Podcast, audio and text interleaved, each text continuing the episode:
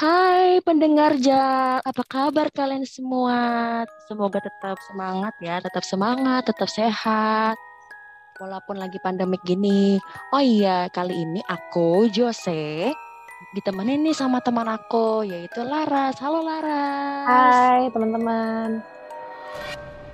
Nah, ini seharusnya kita nih ada bertiga. Cuman yang satu lagi teman kita yang Ani itu lagi ada kesibukan. Jadi uh, di sini cuma dua orang doang. Nah, kita kali ini temanya horor sesuai dengan janji kita untuk menampilkan atau membawa cerita-cerita horor kepada kalian. Pasti kalian udah pada siap kan?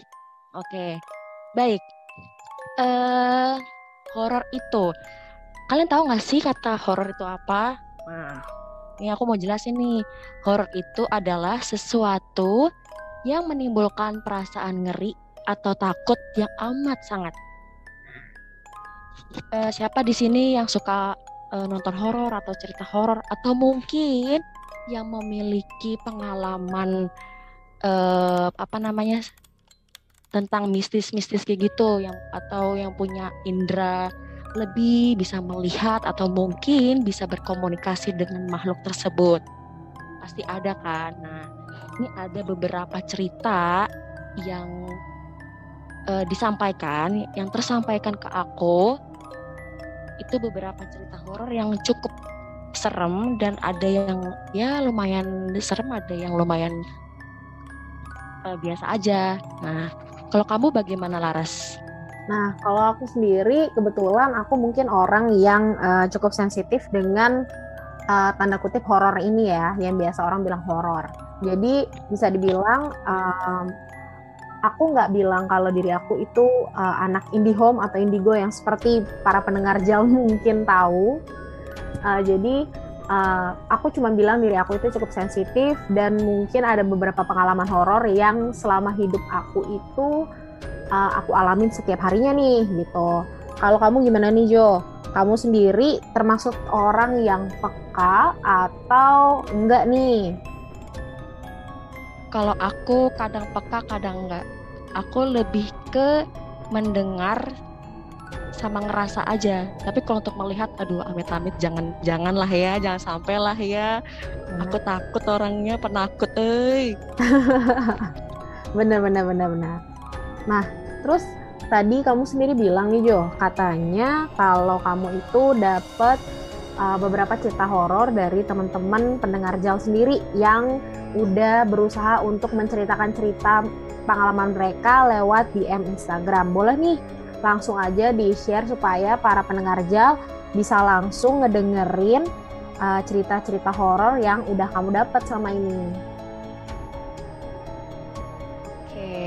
Uh, mau mulai dari mana nih? Dari yang cerita ya biasa aja atau yang mulai yang agak serem apa gimana? boleh dari yang biasa-biasa dulu aja kali ya. Nanti makin lama kan makin serem kayak lebih menegangkan gitu. Oke, baik. Uh, buat kalian yang uh, penakut ya uh, apa namanya lebih baik dengerinnya sama temen gitu atau mungkin dengerinnya aku saranin pagi atau siang gitu kalau malam-malam takutnya kalian nggak bisa tidur kayak aku nih ini jujur jujur aja nih aku tuh penakut orangnya tapi ini aku memberanikan diri untuk bercerita, untuk sharing karena sudah janjikan teman-teman udah pada uh, memberikan ceritanya jadi oke okay lah aku memberanikan diri nih. Jadi ini uh, aku samarin aja ya namanya ya. Oke okay, oke. Okay. Anggap aja namanya ini Roy.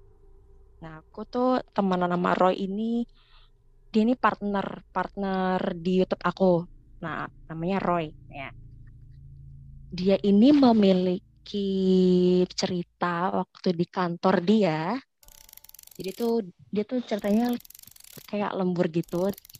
Lembur sampai jam 7 malam. Jadi di kantornya itu dia ada ada karyawannya tuh totalnya tuh ada lima lima orang apa tujuh orang gitu. Nah, eh, lalu jarak kursinya itu jarak kursinya kan agak jauh. Nah, jarak agak jauh uh, di samping apa jarak yang di samping juga jauh, jarak yang depan-depanan juga jauh gitu kan.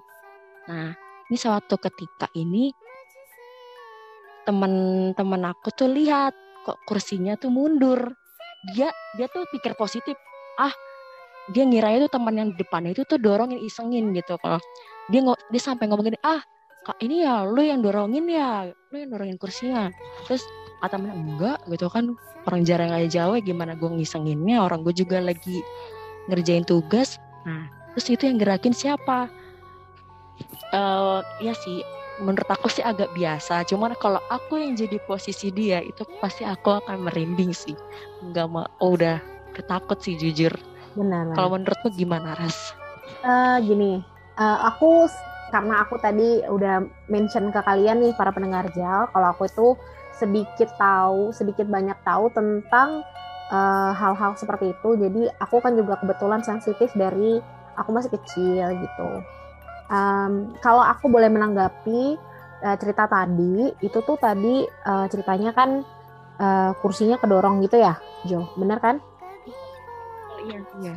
Nah uh, kalau aku boleh mention nih mungkin dari uh, pendengar Jal juga ada yang beberapa udah tahu dan mungkin ada juga yang belum tahu. Uh, sebenarnya spirit atau mereka yang uh, sudah di alam sana itu untuk menggerakkan sesuatu atau membunyikan suara atau mungkin uh, memberikan sentuhan atau rasa itu sebenarnya mereka-mereka yang um, harusnya memiliki energi yang cukup besar. Kenapa? Karena ketika mereka tanda kutip ya, mereka tanda kutip ini mau menggerakkan sesuatu itu uh, energi yang dibutuhkan itu tidak sedikit gitu. Kan mereka ini uh, kalau aku bisa bilang mereka ini kayak uh, kumpulan energi gitu gitu nah kalau misalnya uh, kecuali ya aku ngomong kecuali kecuali mungkin bisa ada dua kasus nih yang tadi mungkin karena memang si spirit atau si ghost atau hantu yang kalian biasa sebut ini itu uh, mungkin dia punya energi yang besar atau si temanmu si Roy ini yang memang orangnya sudah sensitif gitu loh. Jadi ada dua kemungkinan kayak gitu. Tapi kalau emang teman oh. kamu ini mm-hmm. kalau teman kamu ini memang tidak sensitif, uh, berarti memang si ghost atau si spirit ini yang memang punya energi yang besar kayak gitu. Uh, kalau misalnya ya, kalau misalnya teman si Roy ini me, uh, memang sensitif, itu berarti uh, makhluk itu berarti dia kayak ya wah ini orang kayaknya peka nih sama aku. Jadi dia kayak ngetes gitu ya maksudnya ya. Kalau misalnya orang itu sensitif. Um, apa gimana? Jadi gini, sebenarnya aku nggak bisa uh, menyamaratakan beberapa kasus atau cerita ya, tapi setahu aku uh, ketika kita sensitif gitu uh, sebenarnya itu tuh sama seperti kita hidup di di dunia keseharian kita gini gitu loh kalau misalnya ada orang kita kan pasti tahu uh, oh ada orang di di pojok sana atau ada orang di sebelah sini di kiri kita di belakang kita kayak gitu. Nah mereka pun juga seperti itu gitu. Mereka ketika mereka melihat ada aktivitas di dalam ruang tersebut itu biasanya uh, mereka ingin memberitahu bahwa oh uh, saya juga ada di ruang ini. Atau mungkin um, keberadaan orang-orang tersebut ini mungkin sudah pada waktunya tadi mungkin lembur atau gimana uh, posisi teman kamu lembur sih nah mungkin memang hmm, sudah jamnya uh, dia bilangnya lembur oke okay berarti emang udah jamnya sih. Biasanya ada beberapa jam tertentu yang mungkin biasanya aktivitas manusia di ruangan tersebut udah nggak ada gitu loh. Jadi kan mereka juga bergantian gitu. Nah mungkin juga uh, paling buruknya pemikiran terburuk itu mungkin ada yang kurang sopan atau seperti apa. Jadi mereka ingin memberitahu gitu. Biasanya sih kalau tidak, uh, aku cuma mau ngasih tahu nih ke para pendengar jal kalau sesuatu itu digerakkan oleh spirit atau misalnya diberitahu melalui bisikan atau pendengaran, penciuman itu sebenarnya belum tentu mereka berniat untuk mengganggu. Bisa aja mereka sebenarnya ingin memberitahu misalnya akan ada terjadi uh, kecelakaan atau terjadi sesuatu di ruangan tersebut kayak gitu. Karena nggak semua spirit itu jahat ya sifatnya karena ada juga yang mereka Betul. sifatnya melindungi begitu atau mengingatkan gitu Oh iya, baik. Ini langsung cerita kedua ya. boleh boleh Atau mau gantian? Atau mau kamu yang mau cerita sharing? Eh, kamu dulu deh nanti kalau aku biar terakhir aja Oke, siap. Nah, ini cerita kedua ini dari temanku juga, temanku yang ada di Jogja, Mhm. cowok. Aku samarin namanya Danu. oke Oke, i- dia ini orangnya cukup sensitif Mhm. kayak kamu atau mungkin para pendengar jal yang memiliki indera lebih. Nah, dia ini bekerja di suatu eh, kayak apa namanya? kayak kurir kayak semacam JNE, Tiki, J- JDID seperti itu, semacam seperti itu. Dan dia itu kan eh, kerjanya kan mu- mulainya sore sampai malam jam sebelasan. Dan dia lagi eh, lagi eh, tugasnya itu itu menginput barang orderan ke sistem. Nah, jadi dia pada saat itu dia malam-malam itu dia selalu sendiri di gudang gitu di gudangnya. Oke. Dan memang nggak dan nggak ada siapa pun di situ. Dan eh, pada dan saat itu juga dia telepon aku. Dia telepon aku minta tolong aku untuk temenin dia. Karena kalau nggak ditemenin dia itu denger di kamar mandi itu ada yang nyalain keran pas ditengok nggak ada orang. Nggak ada. Pas dilihat lagi ada cewek di situ. Ada cewek? Dan anak kecil. Makanya dia minta tolong aku untuk telepon nemenin dia. Eh, pada saat aku nemenin dia teleponan itu aku juga merinding kan. Aku takut sebenarnya sih salah sih dia. Bukan salah sih maksudnya salah orang dia ngajak ngajak telepon aku gitu kan. Karena aku orangnya penakut tapi ya aku kalau untuk nolong temen ya udahlah nggak apa-apa lah gitu kan. Toh ini kan dia yang ngalamin gitu kan nggak nggak aku yang ngalamin. Ya udah aku temenin dia. Terus terus dia bilang untung kamu untung untung kamu tuh masih masih begadang gitu loh untung kamu masih ini loh. Ya udah. Terus kalau pas aku selesai tutup telepon nah baru nih besoknya dia cerita dia bilang kamu tahu dia itu eh, dia tuh ngikutin aku sampai di rumah nah itu menurut kamu bagaimana Ah, Ah, gini. Tadi eh, kan tadi aku udah bilang ya ada beberapa spirit itu yang baik, ada beberapa juga spirit yang mereka eh, mengganggu atau niatnya jahil atau mereka cuma menunggu tempat tersebut. Jadi ada beberapa eh, tingkatan, ada beberapa jenis, ada intinya tidak cum, tidak semua spirit itu jahat. Seperti yang mungkin para pendengar jal juga sama ini berpikir kalau spirit atau ghost atau hantu atau setan yang sama ini kalian sebut itu selalu jahat dan berniat untuk eh, jahat sama para pendengar jal nih sebenarnya nggak seperti itu nah untuk kasus yang ini menurut aku sih eh, mungkin eh, kalau sampai spirit ini tertarik dan mengikuti eh, teman kamu ini sampai ke rumah mungkin dia termasuk yang jahil menurut aku karena eh, sorry teman kamu ini laki-laki ya ya laki-laki Oke, Eh, jadi teman kamu ini menurut aku, eh, karena kita biasa sebutnya, eh, aku biasa sebutnya Miss K sih, Miss K, biar lebih lucu aja gitu, Miss K. Kali- para pendengarnya kalau nggak tahu Miss K itu apa, itu kuntilanak. Jadi kita sebutnya di sini Miss K. Eh, Miss K ini, Oke, kamu menyebutnya Miss K ya. Kalau aku, kalau misalnya sama teman-temanku, aku manggilnya tante-tante. oke, oke, oke. Aku nyebutnya Miss K, biar lebih eh, Oke. internasional banget gitu. Nah, Oke. untuk Miss K lanjut.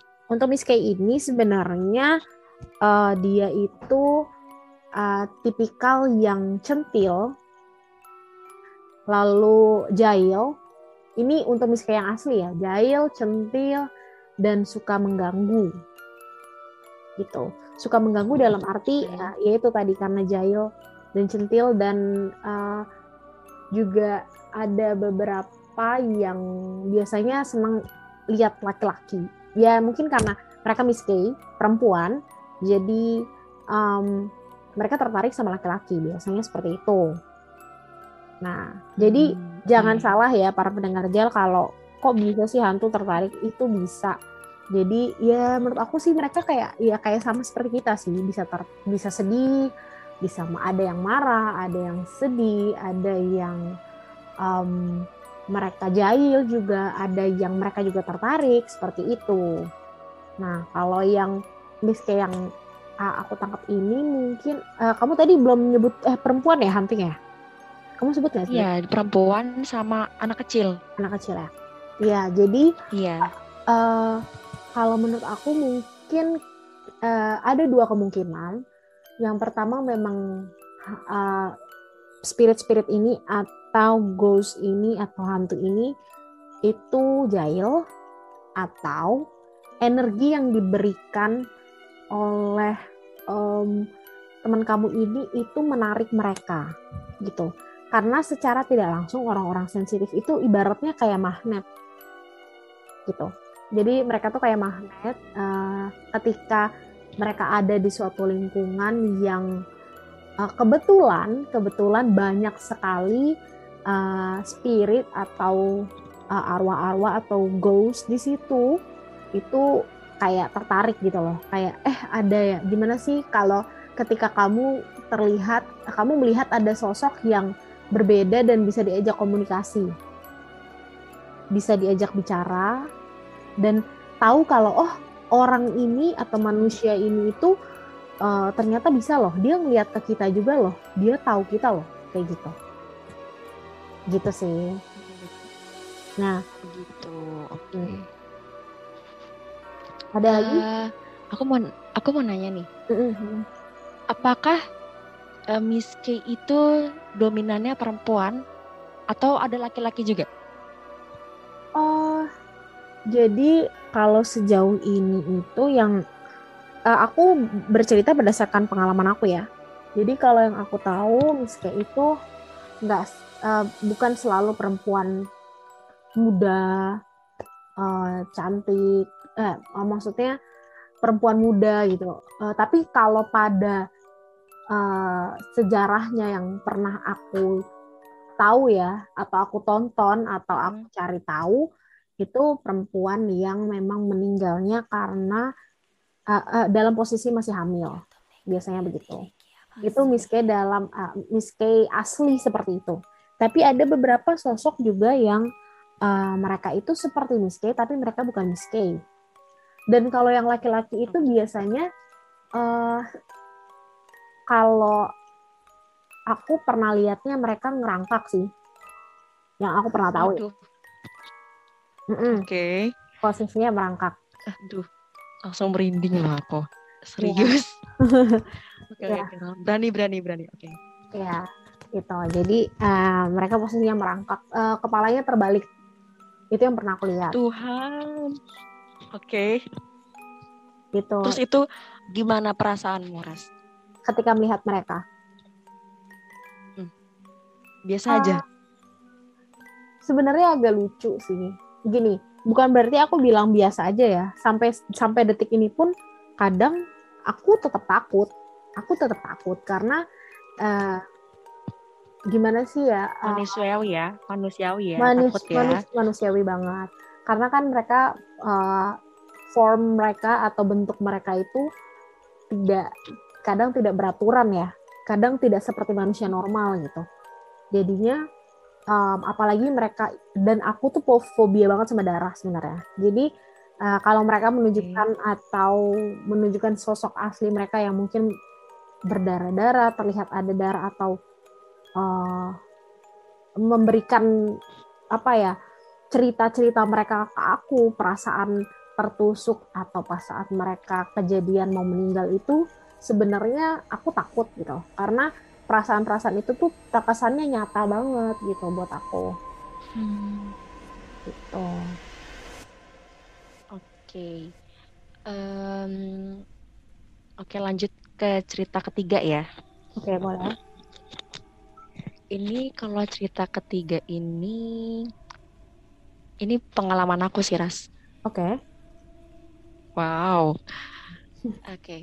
Jadi aku dulu kan aku tuh lulusan uh, kamp, uh, kampus swasta, mm-hmm. kampus swasta pariwisata di Jakarta Selatan. Aku aku nggak mau nyebutin di sini ya. Oke. Okay. Uh, dia tuh di Jakarta Selatan Bintaro. Nah, aku di sana itu otomatis ngekos karena kan rumahku di Bekasi ya. Mm-hmm. Di sana aku ngekos tuh awalnya tuh sama temen berdua. Aku sampai pindah tiga kali, pindah tiga kali kos itu pindah tempat. Kalau yang pertama aku pindah karena ya ada sesuatu hal lah gitu. Aku nggak mau cerita juga di sini, nggak mau ngebahas juga di situ. Takutnya pendengar jal ada temanku gitu. Jadi ya udah itu udah selesai, udah selesai. Oke nih uh, kosan yang kedua ini aku sih aku orangnya selalu berusaha untuk berpikir positif ya. Oke. Okay. Di rumah kosan ini kedua ini tuh menurut aku rumahnya agak unik. Maksudnya unik kayak ini uh, Jawa banget ya ininya uh, desainnya gitu, desain arsiteknya gitu Jawa banget. Oke. Okay. Dan di rumahnya itu tuh di halamannya itu kan kebunnya luas, banyak uh, apa sih namanya Kamboja ya, yeah. tumbuhan kambo bunga Kamboja gede banget. Hmm. Aku mikirnya positif sih itu. Wah ini indah, aku bilang gitu aja. Soalnya kan banyak tanaman-tanaman hijau, apalagi ini bunga Kamboja ini kayak kesannya tuh kayak Bali gitu. Aku tuh mikirnya selalu yang indah gitu kan.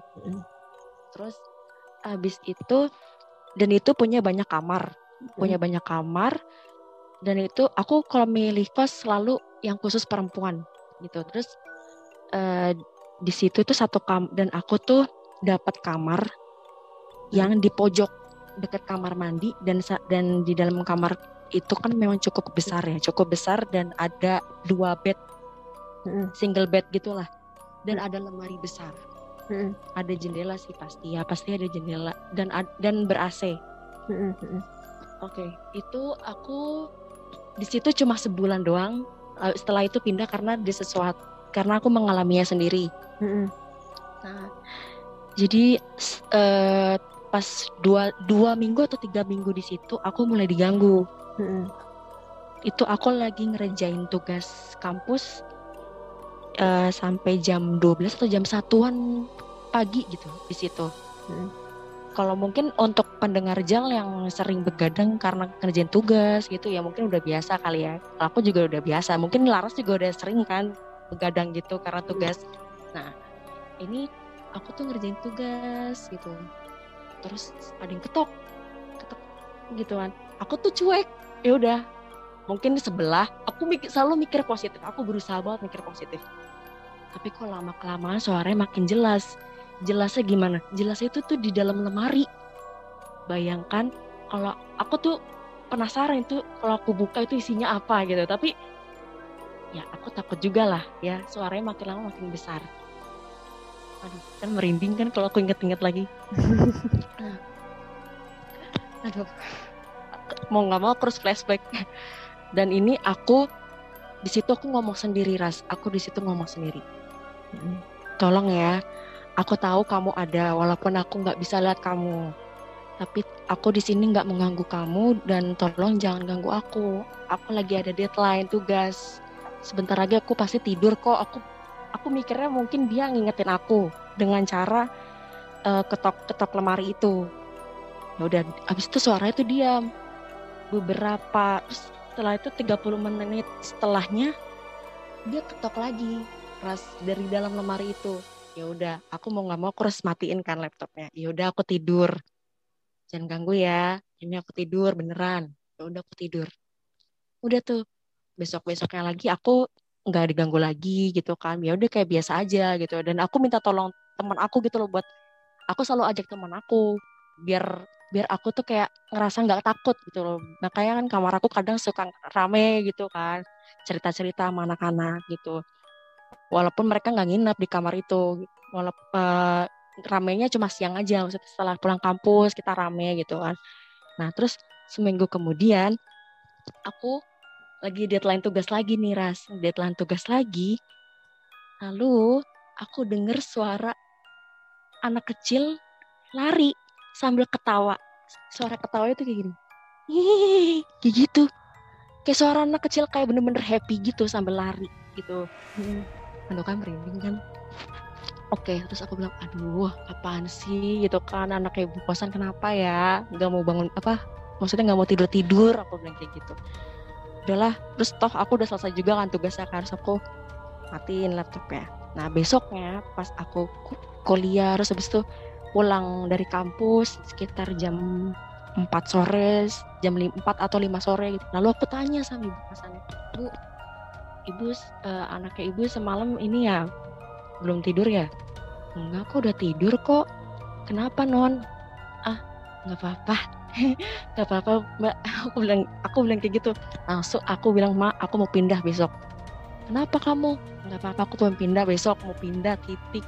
Aku bilang kayak gitu ya udah aku pindah ke kosan yang baru yang agak ya menurut aku uh, cukup jalan kakinya itu sekitar berapa menit ya? Ya hampir 10 menit sih kalau mau jalan kaki gitu. Sekian. Itu cerita aku. Oke oke. Bagus sih uh, ceritanya untuk cerita kamu sendiri tuh menurut aku udah horor banget ya.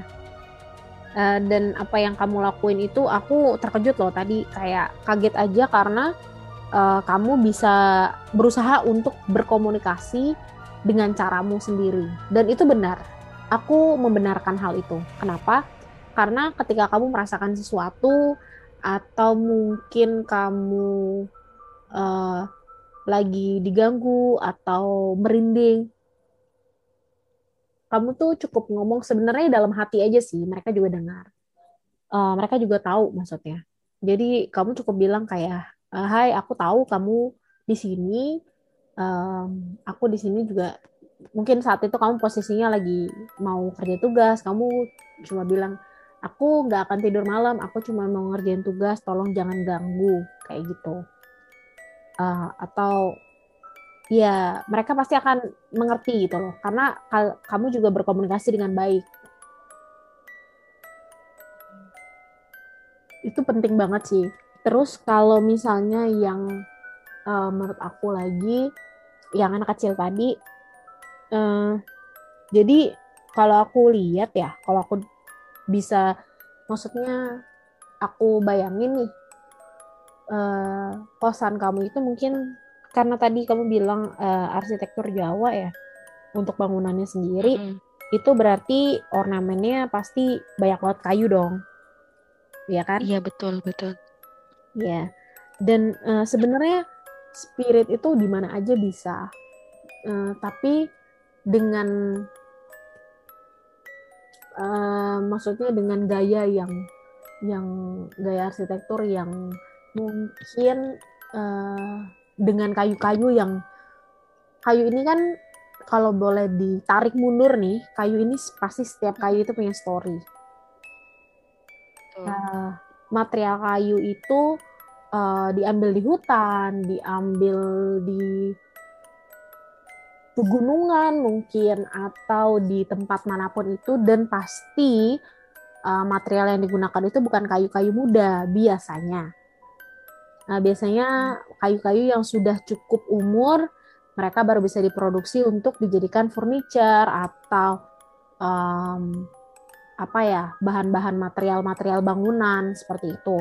Nah, uh, kalau dilihat dari sejarah kayu ini sendiri, uh, kebetulan di sini kan aku juga mengambil jurusan arsitektur. Jadi aku kurang lebih paham kalau misalnya uh, di Jawa uh, di arsitektur Jawa yang pernah aku pelajari ya, kalau material atau pembangunan rumah Jawa itu sebenarnya ada ritual khususnya sendiri untuk membangun sebuah rumah Jawa sebenarnya.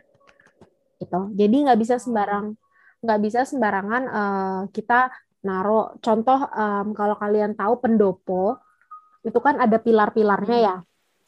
Itu Betul. Ya, untuk membangun sebuah pendopo aja itu sebenarnya ibaratnya kita harus nyuwun sewu atau permisi gitu. Karena kita menggunakan material-material tersebut gitu. Itu untuk uh, kepercayaan orang Jawa sendiri pun ada gitu. untuk pendengar Jal mungkin yang orang Jawa bisa bisa komentar atau bisa komen di bawah atau DM kita di Instagram. Uh, nanti pasti kita lihat satu-satu deh. Dan kita bisa ber, bisa apa ya bisa bertukar pikiran uh, soal soal untuk uh, hal-hal mistis kayak begini. Tapi uh, podcast kita tuh nggak khusus mistis aja guys. Jadi nggak usah khawatir. Buat kalian yang penakut tadi kita yeah. ada beberapa podcast yang intinya buat have fun betul, juga. betul. ada beberapa ada beberapa topik juga untuk nantinya. Nggak cuma horror aja guys. Tenang. Benar. Nah. Oh iya. Uh, soal yang tadi kamu bilang ritual-ritual itu. Okay. Nah itu ritual itu pasti pasti yang uh, menyelenggarakan atau yang melakukan itu sama orang yang bener-bener udah ahli atau kayak juru kuncinya kan? Uh, biasanya iya. Jadi uh, kalau misalnya mau membangun ini yang aku pernah pelajari karena kebetulan aku pernah ngambil mata kuliah untuk uh, arsitektur uh, gaya arsitektur Jawa. Jadi untuk gaya arsitektur Jawa itu nanti ada ibaratnya apa ya? Uh, orang ini tuh dia mengerti sekali cara membangun uh, bangunan Jawa gitu. Nah, orang yang mengerti inilah yang nanti uh, memberikan petua-petua uh, atau cara-cara supaya kita tuh uh, ini loh caranya kalau membangun pendopo dengan pilarnya segini itu jadi dia yang memberitahu gitu dan pastinya dia sudah sudah paham di bidang itu gitu begitu. Hmm, dan pastinya dia juga yang juru kuncinya itu pasti udah ibaratnya yang tadi kamu bilang itu uh, permisi sama makhluk yang pun udah berarti yang udah ngetek tempat di situ duluan gitu loh. Iya, ya kan ya Ras? Benar benar. Nah. Benar, benar banget. Oke, itu cerita yang aku dapetin maksudnya hanya tiga cerita sih yang aku dapetin. Sebenarnya ada be, ada beberapa temen yang mau DM cerita cuman ada beberapa yang sibuk ada yang ya ada yang susah untuk dihubungi. Jadi ya itu mungkin untuk episode nanti nanti aja kali ya Ras ya episode lainnya. Benar-benar nanti aku juga mungkin akan bawain uh, cerita um, pengalaman dari uh, kebetulan pacar aku sendiri dia tinggal di luar jadi nanti mungkin bisa aku bawain di next episode gitu biar para pendengar gel juga uh, ngerti kalau oh ternyata Miss K itu atau um, hantu yang seperti ini tuh nggak cuma ada di Indonesia doang gitu tapi di luar pun ada. Tapi untuk ceritanya nanti di next episode deh uh, doain aja semoga next episode-nya nanti uh, kita bisa bareng sama Ani ya Jo. Jadi uh, Oke, okay, iya, semoga lah ya. Iya. Karena kan kita kan uh, podcastnya kan namanya Jal. Nah, Jal ini tuh tiga orang, isinya tiga orang. Karena J itu Jose itu aku, A Ani, teman kita yang satunya yang berhalangan hadir dan L itu Laras yang lagi temenin aku saat ini, guys. Gitu. gitu. Ya, benar. Nah, tadi kan Jose sendiri udah cerita nih ya pengalaman kamu. Kalau mungkin dari aku, uh, aku nggak tahu ya ini pengalaman horor atau uh, menyedihkan atau seperti apa. Tapi ini salah satu dari sekian banyak pengalaman yang pernah aku alami. Dan kenapa aku mau mengangkat cerita ini karena menurut aku cerita ini itu uh, apa ya sangat berkesan buat aku karena ini terjadi sama uh, sahabat aku sendiri gitu. Uh, inisial aja namanya pakai M. Uh, aku nggak akan sebut okay. nama panjangnya. Jadi um, maaf. Ya gimana? Aku maaf aku potong sebentar. Maaf aku potong eras ya. Hmm. sebelum kita tahu sebelum sebelum kita mendengarkan ceritamu aku boleh tahu nggak? Kamu oh, pertama kali punya uh, rasa sensitif itu kan tadi kamu bilang kan sejak kecil. Yeah. Itu kamu dari umur berapa masih ingatkah? Lalu apakah ada turunan dari keluargamu? Okay. Apa bagaimana?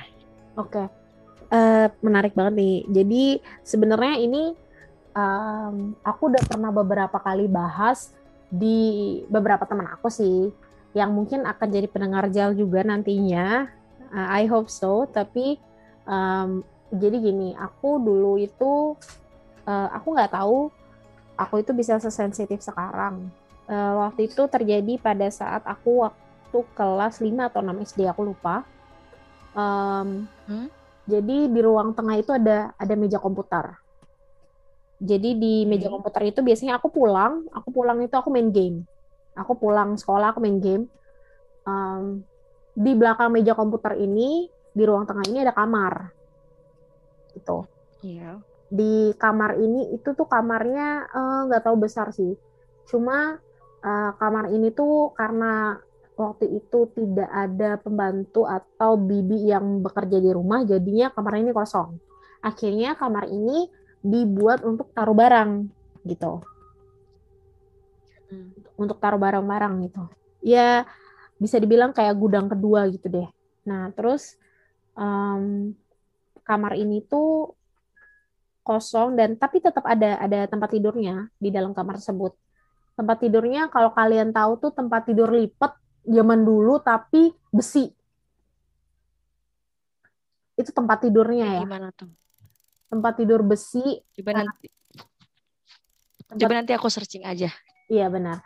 Uh, kalau uh, kalau pendengar jalan ngerti tempat tidurnya tuh tempat tidur besi tapi bisa dilipat gitu. Itu tempat tidur zaman dulu banget sih. Nah itu um, di situ ada kasurnya lengkap dengan dengan tempat tidurnya uh, terus um, dengan beberapa barang di situ. Karena uh, posisinya itu uh, di depan kamar itu kan meja komputer ya, jadi aku biasa uh, main game di situ pulang sekolah. Aku ingat uh, karena papaku kebetulan orang Jawa, jadi uh, papaku tuh seneng banget dengar lagu-lagu Jawa. Kalau kalian tahu kayak keroncong, lagu-lagu sinden kayak gitu dan pada saat itu papaku aku ingat banget papaku tuh punya radio uh, dan hmm. selalu nyetel lagu uh, lagu-lagu Jawa musik-musik Jawa kayak gitu campur sari sama sama kayak papaku ya iya nah terus uh, karena aku merasa karena aku merasa itu biasa buat aku jadi setiap hari itu pasti aku mendengar lagu atau alunan lagu eh, musik-musik Jawa tersebut gitu loh. Dan aku selalu berpikir bahwa itu adalah musik dari radio papa yang selalu disetel setiap harinya gitu. Aku ingat uh, waktu itu aku pulang waktu SD kalau nggak salah pulangnya itu jam 12 siang. Jam 12 siang itu udah pulang dan aku pasti uh, biasanya biasa kalau uh, pulang anak-anak sekolah kan jajan dulu ya. Jajan sampai jam satu setengah dua tuh aku baru sampai rumah. Kayak gitu. Uh, setengah dua aku sampai rumah dan aku langsung kayak uh, ganti baju terus langsung main game gitu. Biasanya aku gitu. Um, setiap jam setengah dua jam setengah dua jam dua gitu aku selalu dengar alunan musik Jawa. Gitu. Okay. awalnya dari situ. Oh, jadi ya awalnya dari situ. Jadi uh, karena aku merasa oh itu pasti radio papa gitu. Atau oh itu pasti um, um, papa yang nyetel uh, televisi atau radio atau DVD entah papa suka banget gitu. Akhirnya um, aku biasa aja itu hari pertama. Sampai beberapa hari kemudian aku ngerasa kenapa uh, lagu yang lagu yang diputar itu sama. Karena okay. tahu aku papa biasanya kan kalau uh, kalian tahu lah para pendengar jauh tuh pasti ngerti kan kalau misalnya kalian ngedengerin lagu uh, di kaset gitu kan ada beberapa lagu ya. Jadi uh, kayak ada beberapa lagu. Ya kayak kaset radio itu kan ada beberapa lagu ya. Ada tujuh atau sembilan biasanya kayak gitu. Itu kan pasti hmm, bergiliran. dan nggak mungkin diulang-ulang terus kan nggak mungkin diulang-ulang terus. Maksudnya lagu yang sama, diulang dengan lagu yang sama. Jadi misalnya yeah. lagu udah selesai uh, keputar lagu lain lagu lain kayak gitu kan. Mm.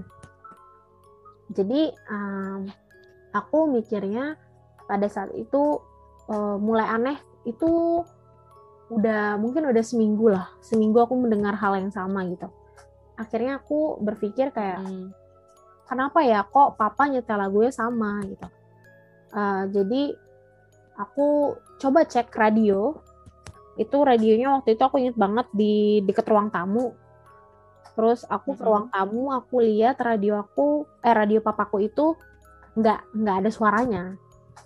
Dan di situ aku mikir kayak oh mungkin tetangga aku yang eh denger lagu gitu denger Oke. lagu Berarti kamu mikirnya positif, positif, positif aja lah ya. ya aku masih positif aku mikirnya Mm-mm. mungkin atau me- atau memang atau memang eh, karena kamu waktu saat itu kan masih kecil jadi kamu mikirnya kayak ya udah polos aja gitu ya udah ya oh, ini, ini mungkin suara tetangga gitu kali ya Ya, ya, benar-benar. Itu pemikiran anak kecil banget kan, kayak oh mungkin tetangga. Hmm. Eh, karena kan kalau anak masih kecil itu biasanya kan kita nggak berpikir hal-hal aneh ya, nggak berpikir hal ke sana gitu. Hmm. Jadinya aku Iya, berpikirnya kayak oh mungkin itu musik tetangga, jadi aku eh, masih nggak khawatir gitu. Tapi eh, aku sadar bahwa tetangga aku tuh sebenarnya bukan orang Jawa. Gitu aku akhirnya karena mungkin anak kecil itu penasaran, aku menelusuri lah Mm-mm. Sumber suara ini. Sumber suara ini. Nah, eh, aku keluar, aku ke tetangga, eh, aku ke depan rumahnya, tapi aku nggak ngerasa apa-apa gitu. Kayak kayak kok nggak ada suaranya gitu. Terus akhirnya aku balik lagi masuk ke dalam rumah, aku ngerasa kayak kok ada kayak ada radio tapi di dalam em, ruangan gitu. Akhirnya aku masuk ke kamar ini, kamar yang di belakang em, meja komputer ini, gitu. Aku masuk, Oke. aku buka pintunya, em, aku ngelihat perempuan pakai baju warna hijau, Aduh. pakai baju warna hijau, tapi cantik Aduh. sekali, cantik sekali, cantik dan berbusana Jawa. Tapi em, dia nggak ngelihat aku. Itu jelas banget. Karena pada saat itu aku mikirnya eh, itu tamu papahku.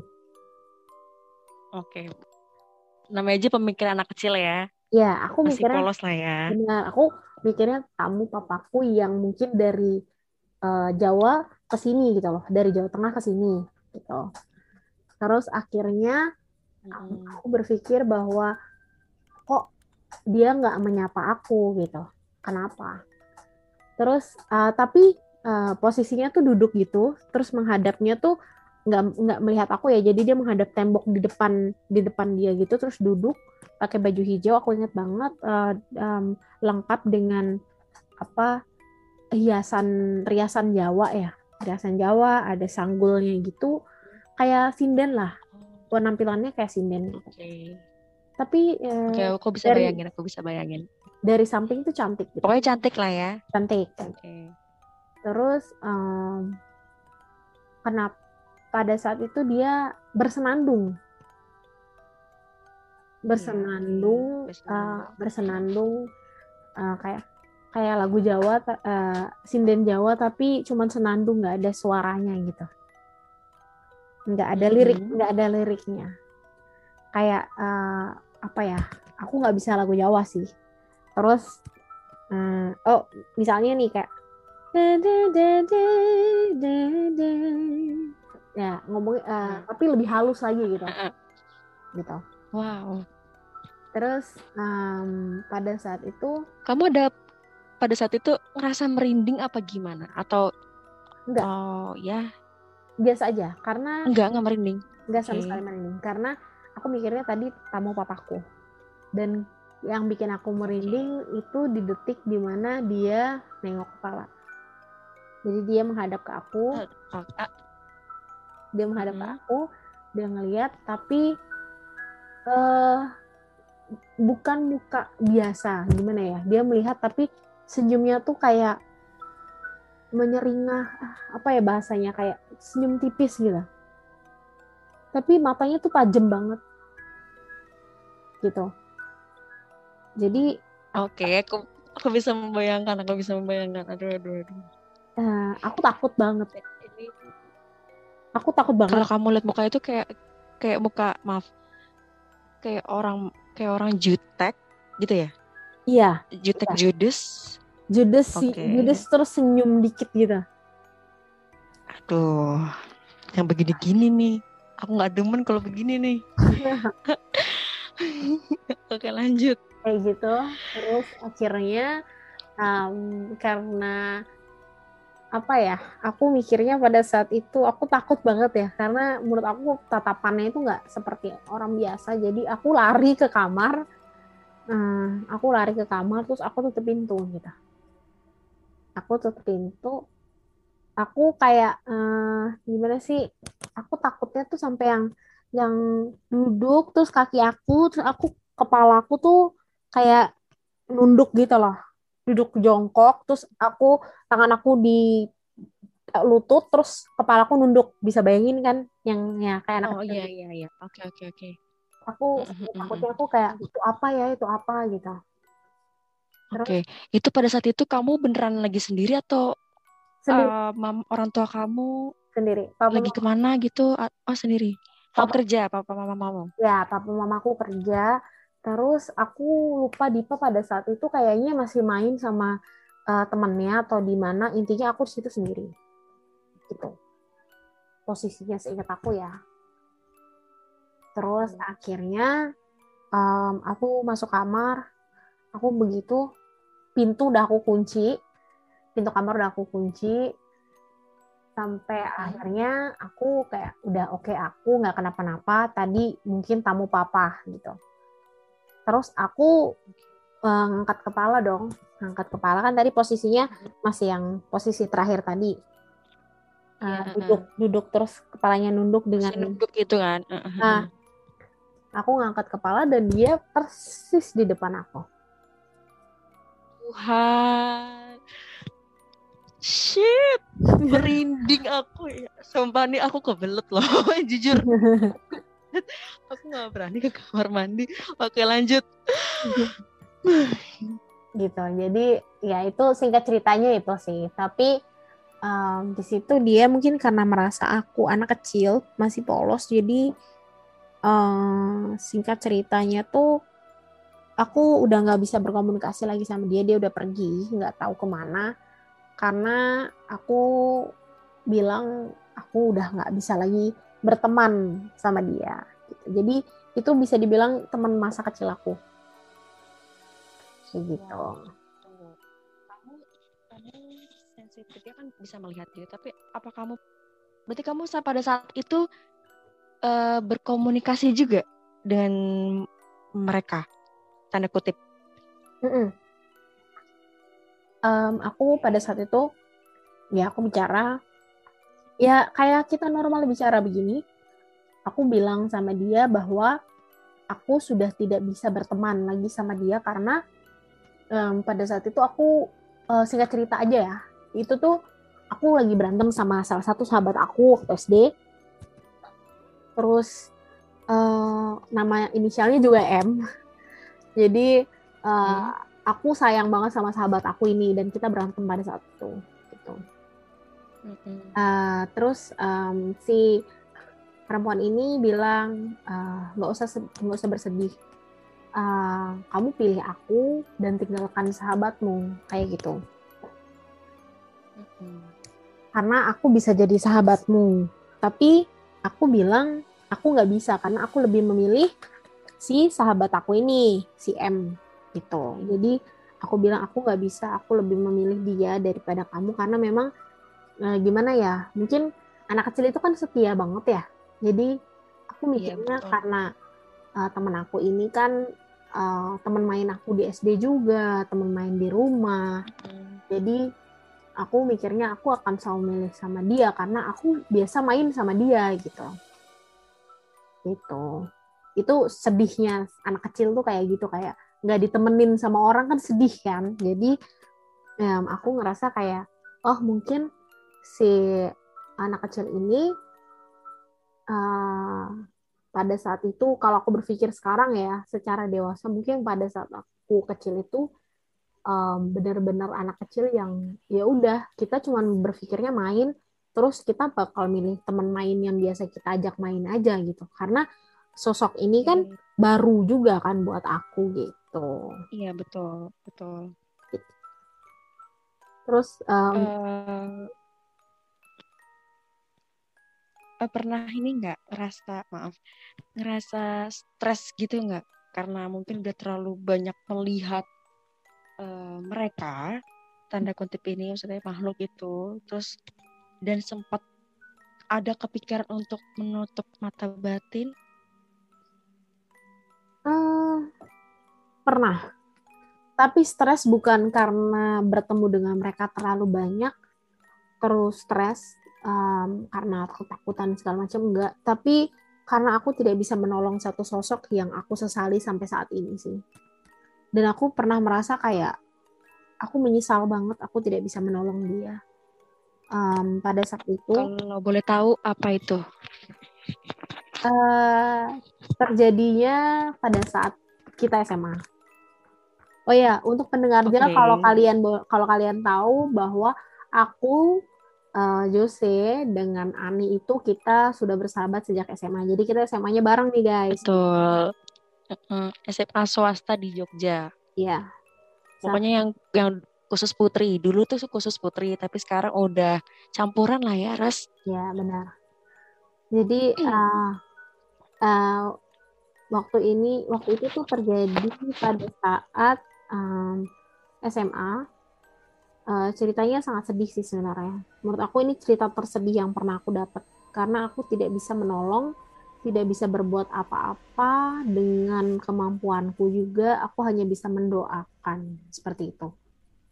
Uh, aku nggak tahu tiba-tiba pada uh, di asrama uh, waktu SMA itu kan kita kita bertiga itu asrama uh, Putri ya kita tinggalnya di Jogja. Ya, betul. Mm -mm. Uh, jadi kebetulan waktu itu terjadi kelas 2 SMA, aku sekamar sama Ani gitu. Oke. Okay. Di situ posisinya Kita, uh, kalau sama aku kalau sama aku aku terpisah guys sama mereka berdua. Benar. Terpisah. Benar.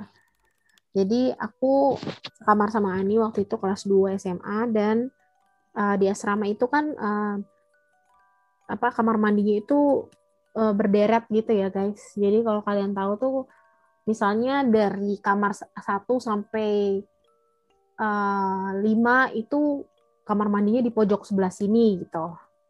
Terus ada lima kamar mandi yang uh, lima kamar eh 10 kamar mandi sorry satu satu kamar itu dua kamar mandi.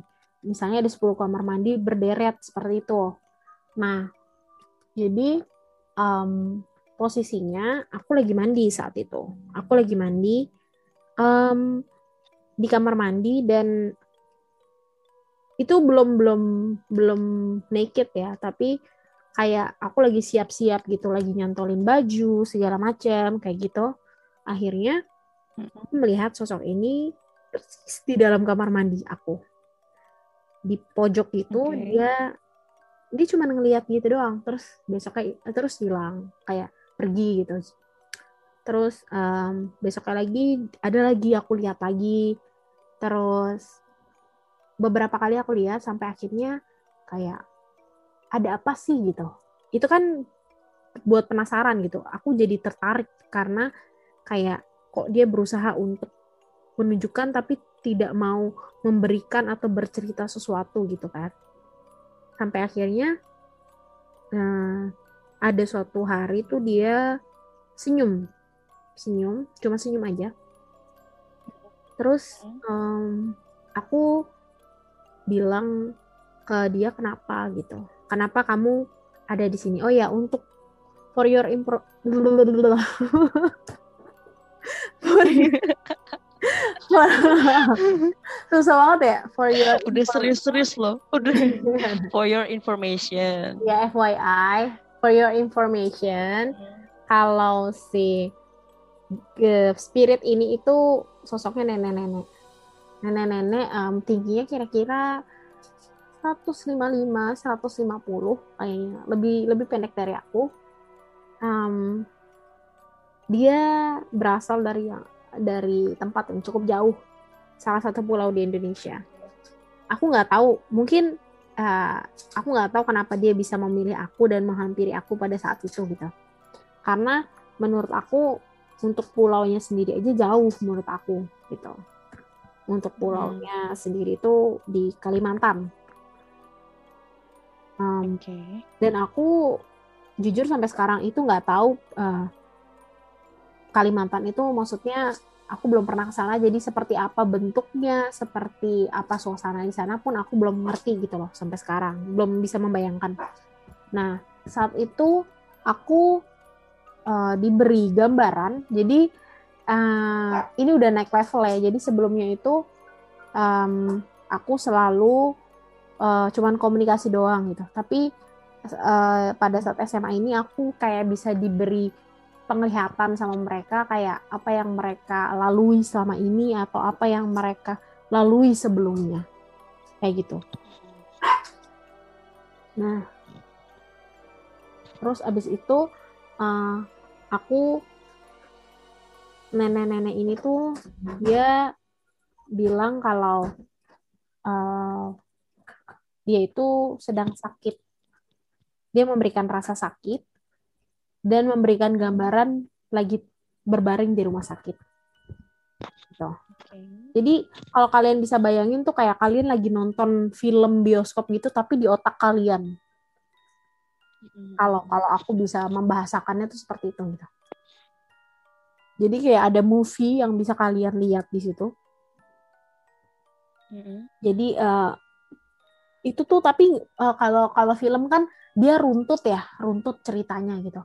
Kalau ini tuh cuman yeah, iya. potongan-potongan yeah. doang gitu. Jadi uh, aku mengartikan sendiri gitu. Me me me menyimpulkan hmm. sendiri. Jadi dia memberikan gambaran ada di situ ada rumah sakit uh, yang aku ingat terus aku melihat di situ dia ada nenek-nenek uh, mirip dia uh, aku rasa itu dia karena uh, dengan banyaknya alat uh, apa ya alat di alat pernafasan. Iya iya alat-alat Iya alat per, bantuan pernafasan, alat pokoknya di badannya itu alat-alat yang infus gitu ya. Ada hmm. infus juga nempel di tubuh dia itu untuk supaya dia tetap hidup. Oke. Okay. Gitu. Nah, terus um, aku ingat banget bentuk rumah sakitnya itu dia kayak bentuk-bentuk kayak rumah sakit rumah sakit Belanda gitu, warnanya putih. Hmm terus ada apa ya air mancurnya gitu loh bulat lingkaran di depan di depan uh, si rumah, di rumah sakit. iya di rumah sakit ini. Oh, gitu. Tunggu maaf tadi uh, almarhum neneknya itu orang Indonesia ya? Orang Indonesia. Tadi ya orang Kalimantan? Ya oke. Okay. aku nggak tahu ya pada untuk, saat itu untuk berarti... untuk orang Kalimantan atau enggak tapi yang aku berikan rasanya. Uh, dia memberikan gambaran kalau uh, itu ada di sebuah pulau yang ya bentuknya kayak Kalimantan. Hmm, Oke. Okay. Gitu.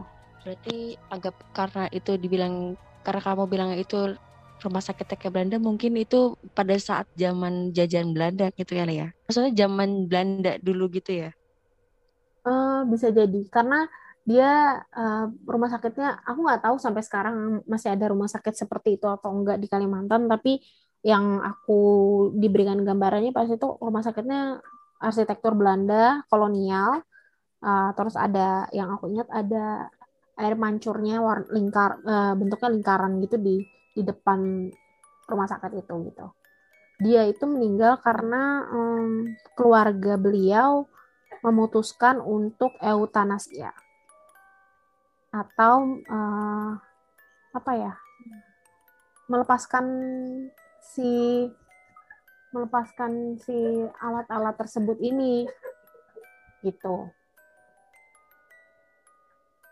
Jadi okay. nenek ini tanpa alat tersebut meninggal karena memang dia bertahan hidup dengan alat tersebut doang. Gitu.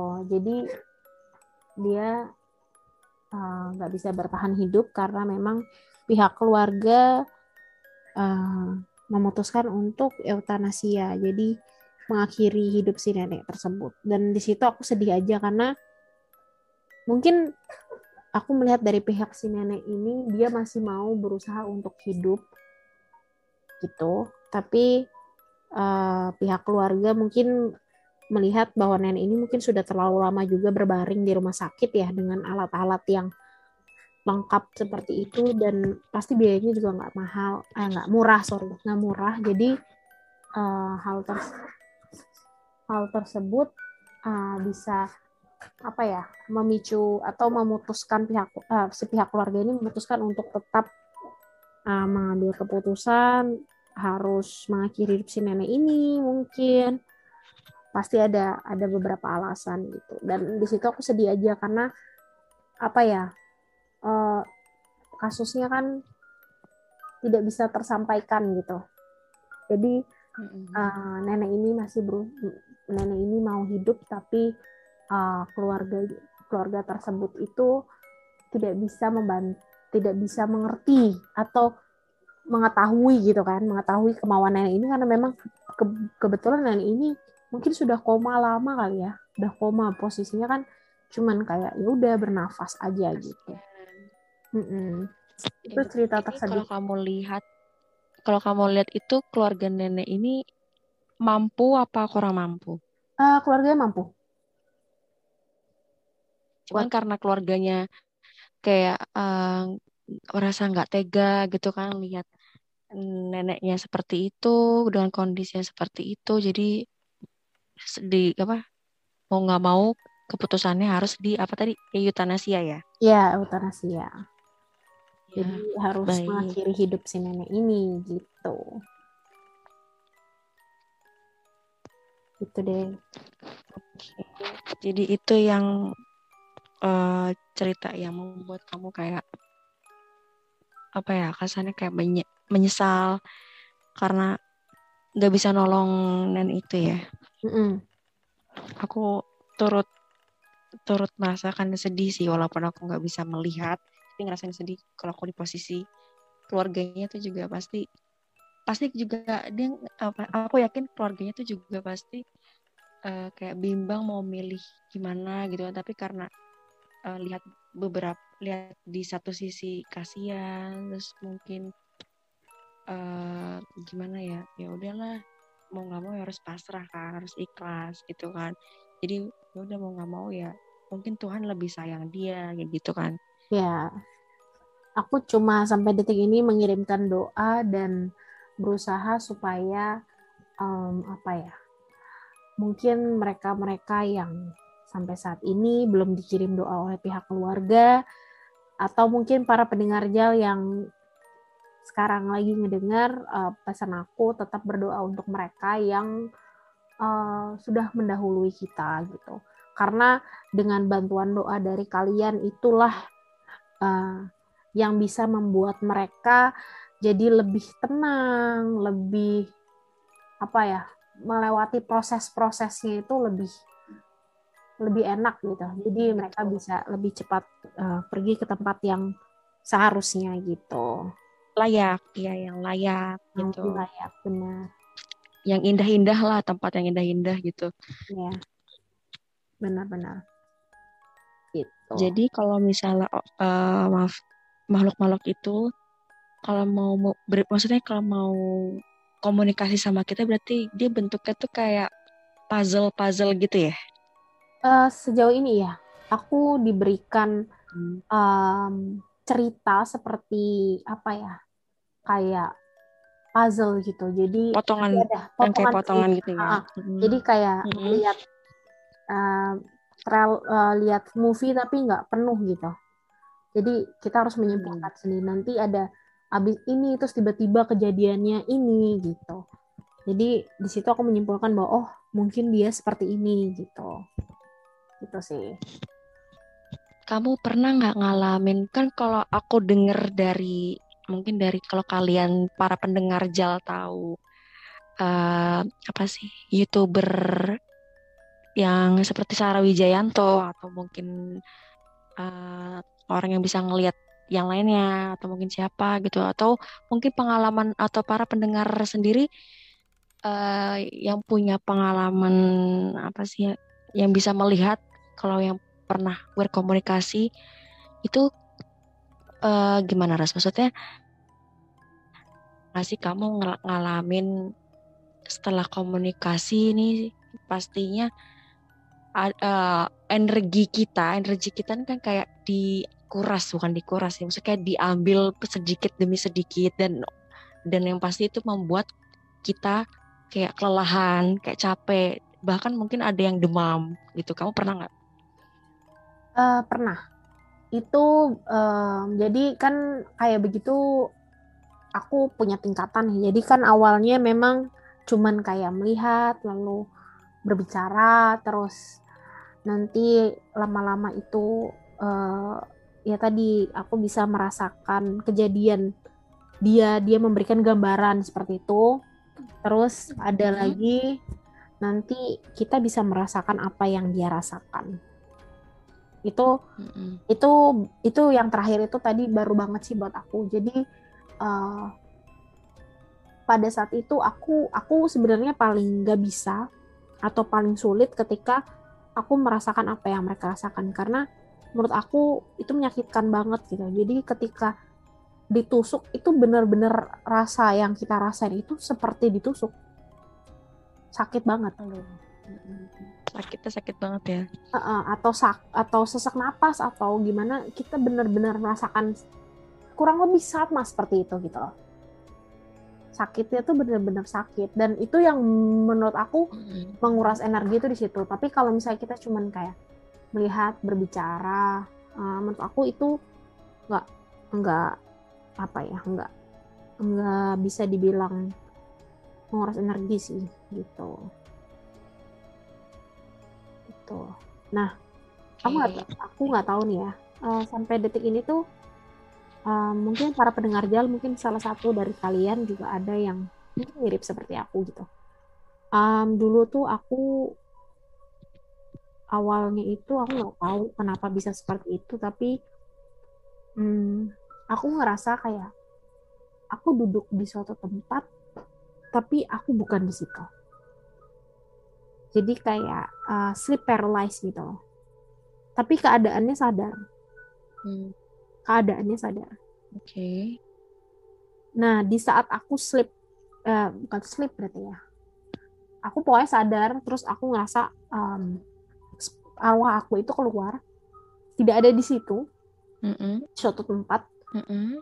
dan aku bisa merasakan tubuh aku tuh um, masih bisa merasakan sekitar, cuman uh, aku tidak bisa mengerti gitu loh. Misalnya ada yang bicara, ada yang ngomong gitu, mm -hmm. ada yang ngajak aku ngomong, aku nggak bisa ngerti gitu. Jadi mm -hmm. aku nggak bisa ngerti bahasanya orang ini yang ngajak ngomong ke aku karena pas spirit aku keluar gitu. Itu oke. Okay. Itu awal-awal banget aku um, sensitif setelah ngelihat si yang tadi ya si putri baju hijau tadi. Uh, mm -hmm. oh, uh, itu tuh kayak ya itu itu aku rasain setelah itu. Uh, jangan mm -hmm. kalian pikir Putri Baju Hijau ini uh, selalu nyanyi Roro Kidul ya. Enggak enggak seperti dia. Iya loh ntar ntar kalian mikirnya ini Nyi Roro Kidul padahal bukan. Iya bukan bukan. Bukan dia bukan beliau. Uh, eh dia sepertinya orang biasa cuman sinden gitu aja sih menurutku karena dia suka nyanyi gitu kan nggak nggak pakai kereta juga. Kalau nyai Roro Kidul kan katanya pakai kereta ya gitu. Dan aku juga belum pernah belum pernah bertemu sih gitu. Um, itu sih. Dan kalau kalian penasaran kok aku bisa dapat kayak gini gitu. Jadi kebetulan mamaku itu sensitif juga guys. Jadi mamaku tuh bedanya mamaku mungkin tidak punya pengalaman seperti aku. Tapi cukup serem sih. Mamaku tuh kalau misalnya sekalinya mimpi dan ini aku punya kesamaan dengan mamaku juga. Aku sama mamaku itu orang yang jarang banget mimpi. Bener-bener jarang mimpi. Jadi kita nggak pernah mimpi yang kayak uh, aneh atau indah. Atau misalnya aku mimpi ini loh. Itu jarang banget bisa dihitung pakai jari. Dan aku nggak pernah sampai detik ini pun tidur kayak tiba-tiba mimpi indah atau gimana enggak gitu. Aku ngerasain itu waktu kecil banget sih waktu kecil banget. Itu aku masih bisa ngerasain mimpi yang uh, dari cerita dongeng kayak gitu. Tapi kalau sekarang mulai dari aku sensitif aku rasa itu rasa sensitif aku ada itu kayak kayak udah semakin enggak aku nggak punya mimpi gitu. Mamaku pun begitu mamaku juga jarang mimpi. Dan sekalinya mimpi itu pasti kejadian itu mamaku. Hmm.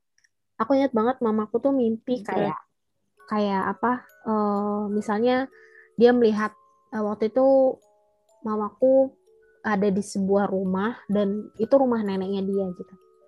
Rumah neneknya dia di hmm. di Medan. Terus uh, mamaku melihat di situ banyak orang pakai baju apa uh, putih-putih gitu. Terus uh, dapur rumah neneknya mamaku ini dia kotor kotor gitu terus mamaku melihat kayak ada peti gitu di dalam rumah itu gitu. Terus mamaku udah kayak itu apa tuh arti mimpi itu kenapa?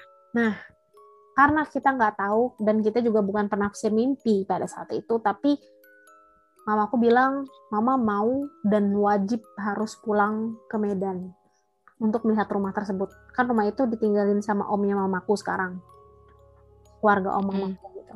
Jadi mm -mm. mamaku itu pulang akhirnya di, dikasih tau lah mimpi ini ke keluarga mamaku. Terus mamaku pulang ke Medan dengan aku juga sama semua keluarga besar pulang gitu. Cuman mau tahu mau cari tahu arti mimpi ini apa gitu. Karena mamaku juga mimpinya uh, apa dapurnya kotor berpasir terus melihat ada peti dan banyak orang duduk di situ pakai baju oh kayak kayak baju putih-putih gitu terus pulang hmm uh, keadaan om aku eh, omnya mamaku pada saat itu sakit memang. Sakit tapi uh, masih bisa ngobrol bukan yang gimana gimana gitu. Gitu. Nah hmm. tapi mamaku menceritakan mimpinya tersebut di om aku di keluarga besar di sana juga gitu. Sampai pulang tuh kan pasti orang nanya kenapa kok bisa sampai pulang ke Medan? gitu jauh-jauh terus akhirnya diceritakanlah hmm. mimpi tersebut. Dan ya sudah um, mereka bilang mungkin jangan-jangan ini sakit terus mau meninggal lagi. Om aku tuh eh omnya mamaku waktu itu bilang begitu. Terus mamaku bilang enggak nggak mungkin lah itu kan cuma mimpi. Seperti yang biasa kita bicarakan kan pasti pendengar jalan juga pasti enggak lah nggak mungkin itu mimpi. Kita kan berusaha untuk berpikir positif dan itu nggak salah gitu kan. Ya betul. Dan pas kita udah kembali ke Jakarta benar dua om mamaku itu meninggal. Langsung dua. Aduh. gitu. Aku turut berduka cita ya ras. Iya ya siap. Dah. Jadi ya itu. Jadi semua dari mamaku sih kalau kenapa aku bisa sensitif seperti ini gitu Nah, ngomong-ngomong soal mimpi, aku sebenarnya juga pernah sih. Mungkin kamu, aku nggak tahu ya, kamu, aku pernah cerita ini ke kamu apa enggak, atau mungkin aku pernah cerita ini ke Ani atau Brenda. Oh ya, Brenda ini uh, sahabat kita bertiga juga, cuma memang ya maksudnya gimana ya? Dia jauh uh, tinggalnya kan di Papua, jadi kita ya kalau mau kabar juga ya jarang lah ya, ya Ras ya Nah, oke. Okay. Aku nggak tahu deh, kalau aku pernah ceritain ke kamu apa enggak? Kayak kayaknya pernah deh. Jadi tuh aku pernah mimpi, nggak tahu deh mimpinya tuh kayak nggak tahu ya itu mungkin itu aku karena kecapean atau gimana aku tuh ya biasa lah kita selalu berpikir positif ya kan nah ini kejadian itu waktu waktu SMA jadi tuh aku mimpi kayak tahu angin puting beliung kan? Angin puting beliung. Terus di ujungnya itu kan kalau angin puting beliung kan bentuknya kan uh, pokoknya kalau yang uh, di atas itu yang paling atas itu kan kayak pu uh, pusarannya besar. Mm. nah terus lama-lama kalau yang paling bawah itu kan kecil. Nah ini nih yang kecil itu tuh ada cincin cincin api gitu. Aku aku udah mimpi itu udah sekitar tiga kali Oke. udah tiga kali. Dan aku nggak dan aku sampai saat ini aku masih belum tahu itu mimpi apa. Maksudnya tentang apa gitu loh. Mhm. Kamu per- aku pernah cerita ini ke kamu gak sih Ras? Kayaknya belum deh. belum ya? Aku kayaknya ber- berarti ceritanya cuma kalau memes sama Brenda ya. Dan aku pernah nanya, nanya ini sama Budeko Mhm. Budeku tuh cuma bilang cuma diem dan habis itu kamu dapat mimpi itu dari mana? gitu kan. Ya maksudnya ya dari mimpi. Ya aku nggak tahu ya kayak gimana. Mhm. terus sampai aku tanya sama orang sampai aku tanya sama si Brenda atau sama si Memes bilang mungkin kamu nanti kalau saat dewasa nanti kamu tahu artinya.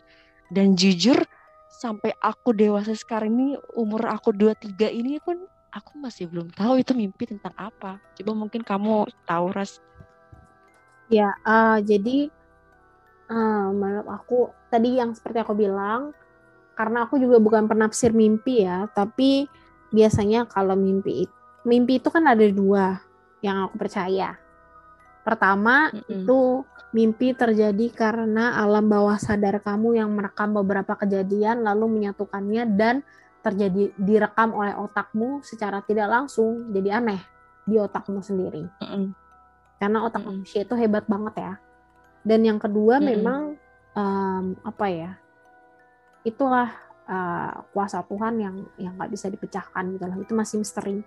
Jadi ada beberapa mimpi yang memang eh, diberikan atau ditunjukkan ke kita eh, mungkin mau menunjukkan sesuatu lewat mimpi karena aku percaya nih kadang orang itu sensitif tingkat kesensitifan itu kan beda-beda ada Betul. beberapa yang mungkin ditunjukkan langsung, ada beberapa yang harus ditunjukkan lewat mimpi, ada beberapa yang mungkin harus ditunjukkan lewat eh, orang lain seperti itu. Itu bisa juga. Gitu. Jadi kalau aku jujur aja aku belum bisa menafsirkan mimpi kamu, tapi eh, berharap aja bahwa kamu bisa mengerti secepat mungkin arti mimpi kamu dan eh, artinya berdoa aja supaya itu artinya baik gitu gitu aja tetap berpikir positif Coba mungkin kalian pendengar JAL yang udah dengerin podcast kita ini, kalau yang tahu Mm-mm. atau misalnya yang punya eh maksudnya yang punya kelebihan untuk mengetahui mimpi-mimpi atau mungkin punya keluarga sanak saudara atau keluarga yang tahu tentang mimpi, coba boleh DM aku atau DM Laras atau Ani itu mimpi arti yang aku tadi cerita tentang puting beliung dan ada cincin apinya itu apa artinya. Soalnya ini mimpi dari zaman aku SMA tiga kali berturut-turut di tahun yang berbeda. Dan aku sampai sekarang belum tahu arti itu tuh apa. Oke. Seperti itu. oke benar-benar ya udah kalau gitu kita akhiri aja podcast kita em, Mm-mm. supaya kita bisa buat podcast episode 2 sama Ani doain aja ya guys gitu Iya guys, oke. Jadi buat kalian yang ngedengerin podcast ini, para pendengar JAL, uh, tetap harus semangat, sehat terus, jangan lupa protokol kesehatan. Buat yang lagi aktivitas, lanjutin aktivitasnya. Jangan lupa berdoa bahwa uh, aku mau ingetin, uh, aku belajar dari mereka yang sudah mendahului kita bahwa hidup itu di dunia hanya sementara. Kita harus lebih banyak bersyukur, Oh, dan lebih banyak berdoa dan mendekatkan diri sama Tuhan gitu. betul. Jangan kalian berdoanya jangan dikala saat susah aja ya. Mau dikala seneng pun seneng sedih apa pun itu juga kalian tetap harus berdoa karena ya gimana ya? Ya segala kondisi kita, maksudnya kan kita nih hidup ka- karena kita kan eh, diciptakan oleh Tuhan gitu kan. Jadi kita apa-apa ya harus cerita sama Tuhan kayak gitu karena Tuhan yang bisa tahu eh, segalanya tentang kita gitu. Betul, betul banget. Ya udah. Oke deh buat kalian selamat beraktivitas dan sampai jumpa.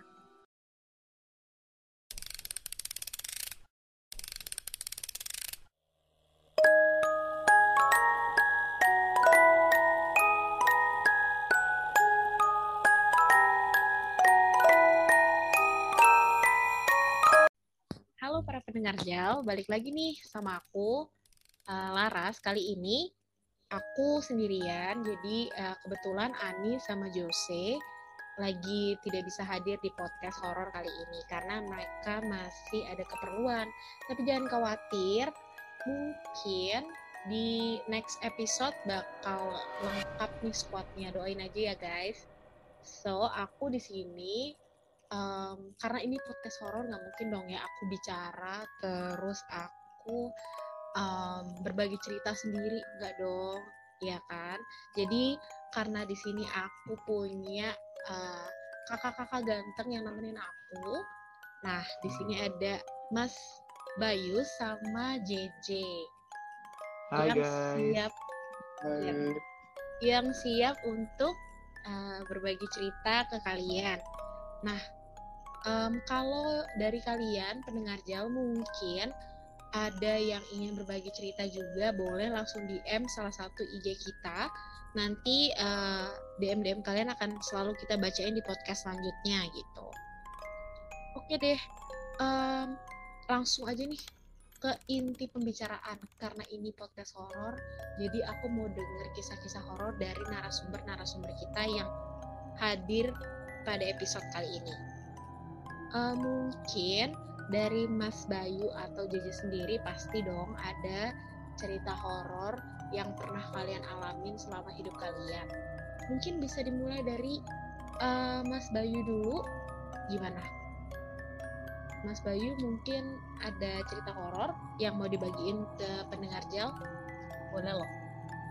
Oh, ya ini pengalamanku waktu kerja. Jadi uh, banyak sih sebenarnya cerita-cerita horor seperti itu. Ceritanya itu udah lama sih ceritanya ini sekitar tahun 2007 2007 2000 eh sorry 2008 kerja di perusahaan jaringan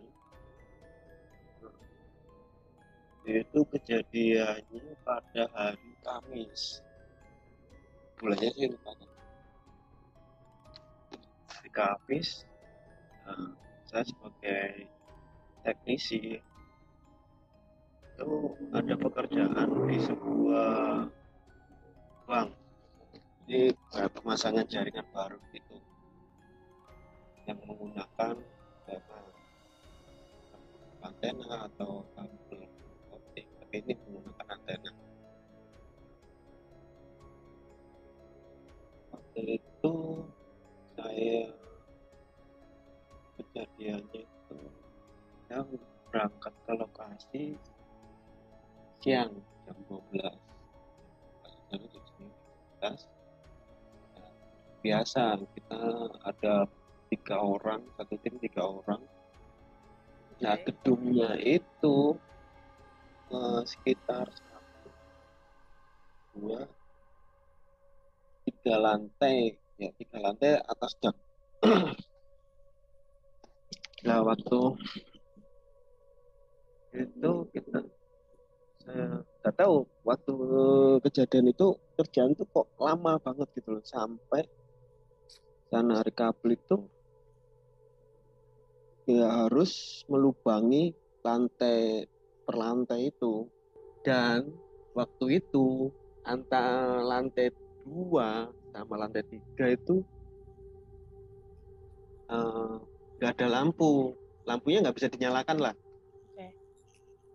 di situ tuh banyak uh, tempat kayak katanya si customernya itu tempat seperti gudang. Soalnya banyak berkas-berkas okay. uh, banyak di situ. Nah itu lubang lama banget gitu kan yaudah saya tetap konsen ke narik kabel yang di atas lah dari lantai dua ke tiga itu ada tangga yang tangga melingkar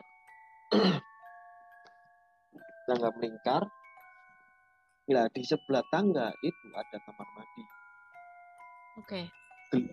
Itu gelap semua pokoknya. Kamar mandi gelap. Di depan kamar mandi itu ada kursi Sat- eh, maksudnya kursinya itu eh, satu aja atau memang ada jajaran kursi? satu aja Oke. pas di depan pintu kamar mandi setiap waktu naik ke lantai tiga ke dak itu kenapa eh, gini ya selalu kayak disuruh kayak gimana ya ngerasa di situ ada orang di kamar mandi Oke. jadi selalu kayak harus ngelihat ke situ Oke oke. tapi nggak ada curiga sama sekali gitu kan. Ya naik tiap naik lihat itu kayak ngerasa ada orang aja gitu kan. Tapi ya udahlah. Setelah itu sampai yang temanku yang bagian yang ngurusin untuk ngelubang Pak Dapur itu masih belum belum selesai juga. Katanya kok nggak kok lama mas? Ngelubanginya. Iya ini soalnya apa eh, lantainya keras susah gitu kan Mhm. itu ya sampai bangunnya atau tinggal mungkin tinggal security aja sih. Bahwa security nggak bisa kurang tahu nggak nemenin di atas ya.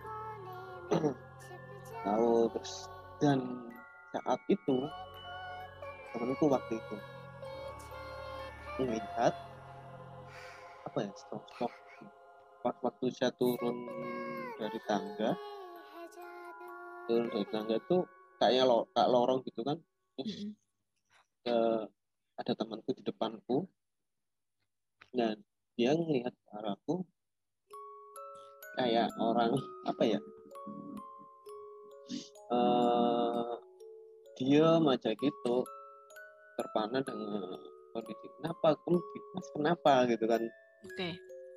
terus akhirnya nggak apa-apa gitu. Dia diam ternyata udah Dia naik lagi ke lantai Oke, naik lagi ke lantai tiga terus. gue setiap ke lantai tiga seperti itu.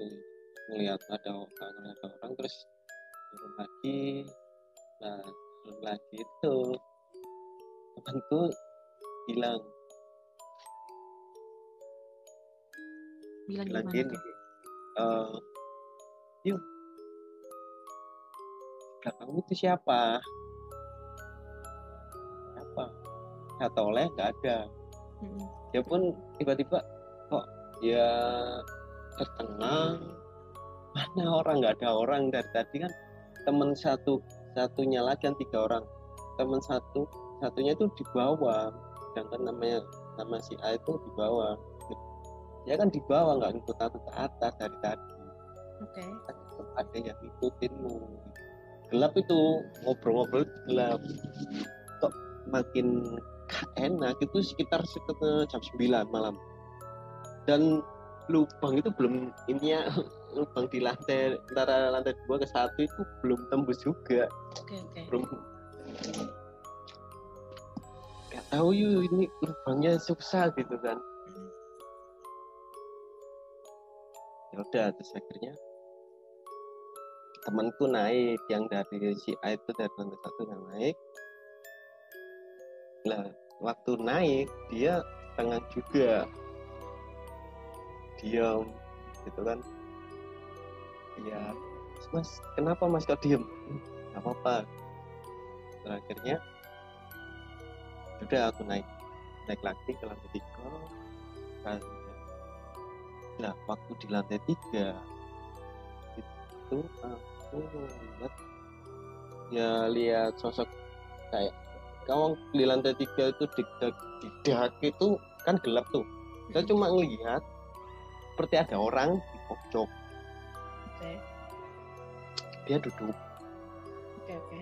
Nah, ini antara takut dan apa ya, sama harus ker- selesai kerjaan ini, ya itu, ya itu aku nggak samperin, aku perhatikan, perhatikan dia gerak gitu kan, gerak berdiri, dia tiba-tiba melangkah. Itu saya melihatnya waktu kan naik tangga tuh, naik tangga berhenti di pas keluarannya tangga.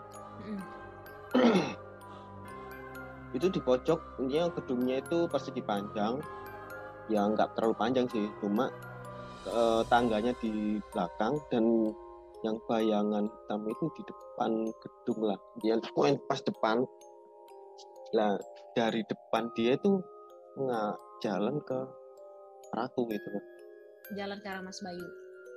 Hmm. Sumpah serem banget. terus akhirnya dia itu jalan jalan tiba-tiba eh, semakin dekat tapi gak kelihatan wajahnya gitu kan. Oke. saya mau nyamperin ke tempatnya yang di yang untuk antena itu. Jadi saya niatan nggak nggak saya nggak ke arah antena itu. Saya bergegas ke bawah. Hmm. lari lari itu lari ke temenku mas kayaknya kita eh, kerjaan ini selesai diselesaikan besok aja. Nah ini belum tem soalnya kan ini ngebornya juga lama gitu kan. Oke. ya udah. Ya udah akhirnya kita beres-beres terus gas naik naik eh, turun ke bawah semua terus bilang ke temenku yang satunya mas eh, mungkin kerjaan dilanjut besok pagi aja karena udah malam nggak enak sama apa security-nya gitu kan. Oke nah akhirnya turun izin pulang. Udah selesai nih. Selesai eh, izin ke security-nya. Terus akhirnya kita lanjut kerja itu besok pagi. Nah di besok pagi si security itunya cerita.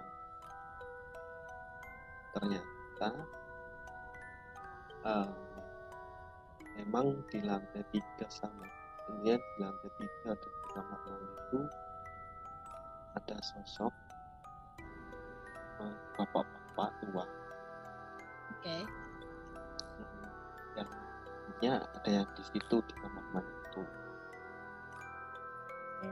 dan di depannya si apa ini Hmm, kantor atau gedungnya bank ini tuh di depannya memang ada memang cuma ada jalan raya terus depannya lagi tuh kuburan gitu makam lah Mhm. dan itu ruko. Memang storynya memang di ruko itu memang ada gaib itu yang aneh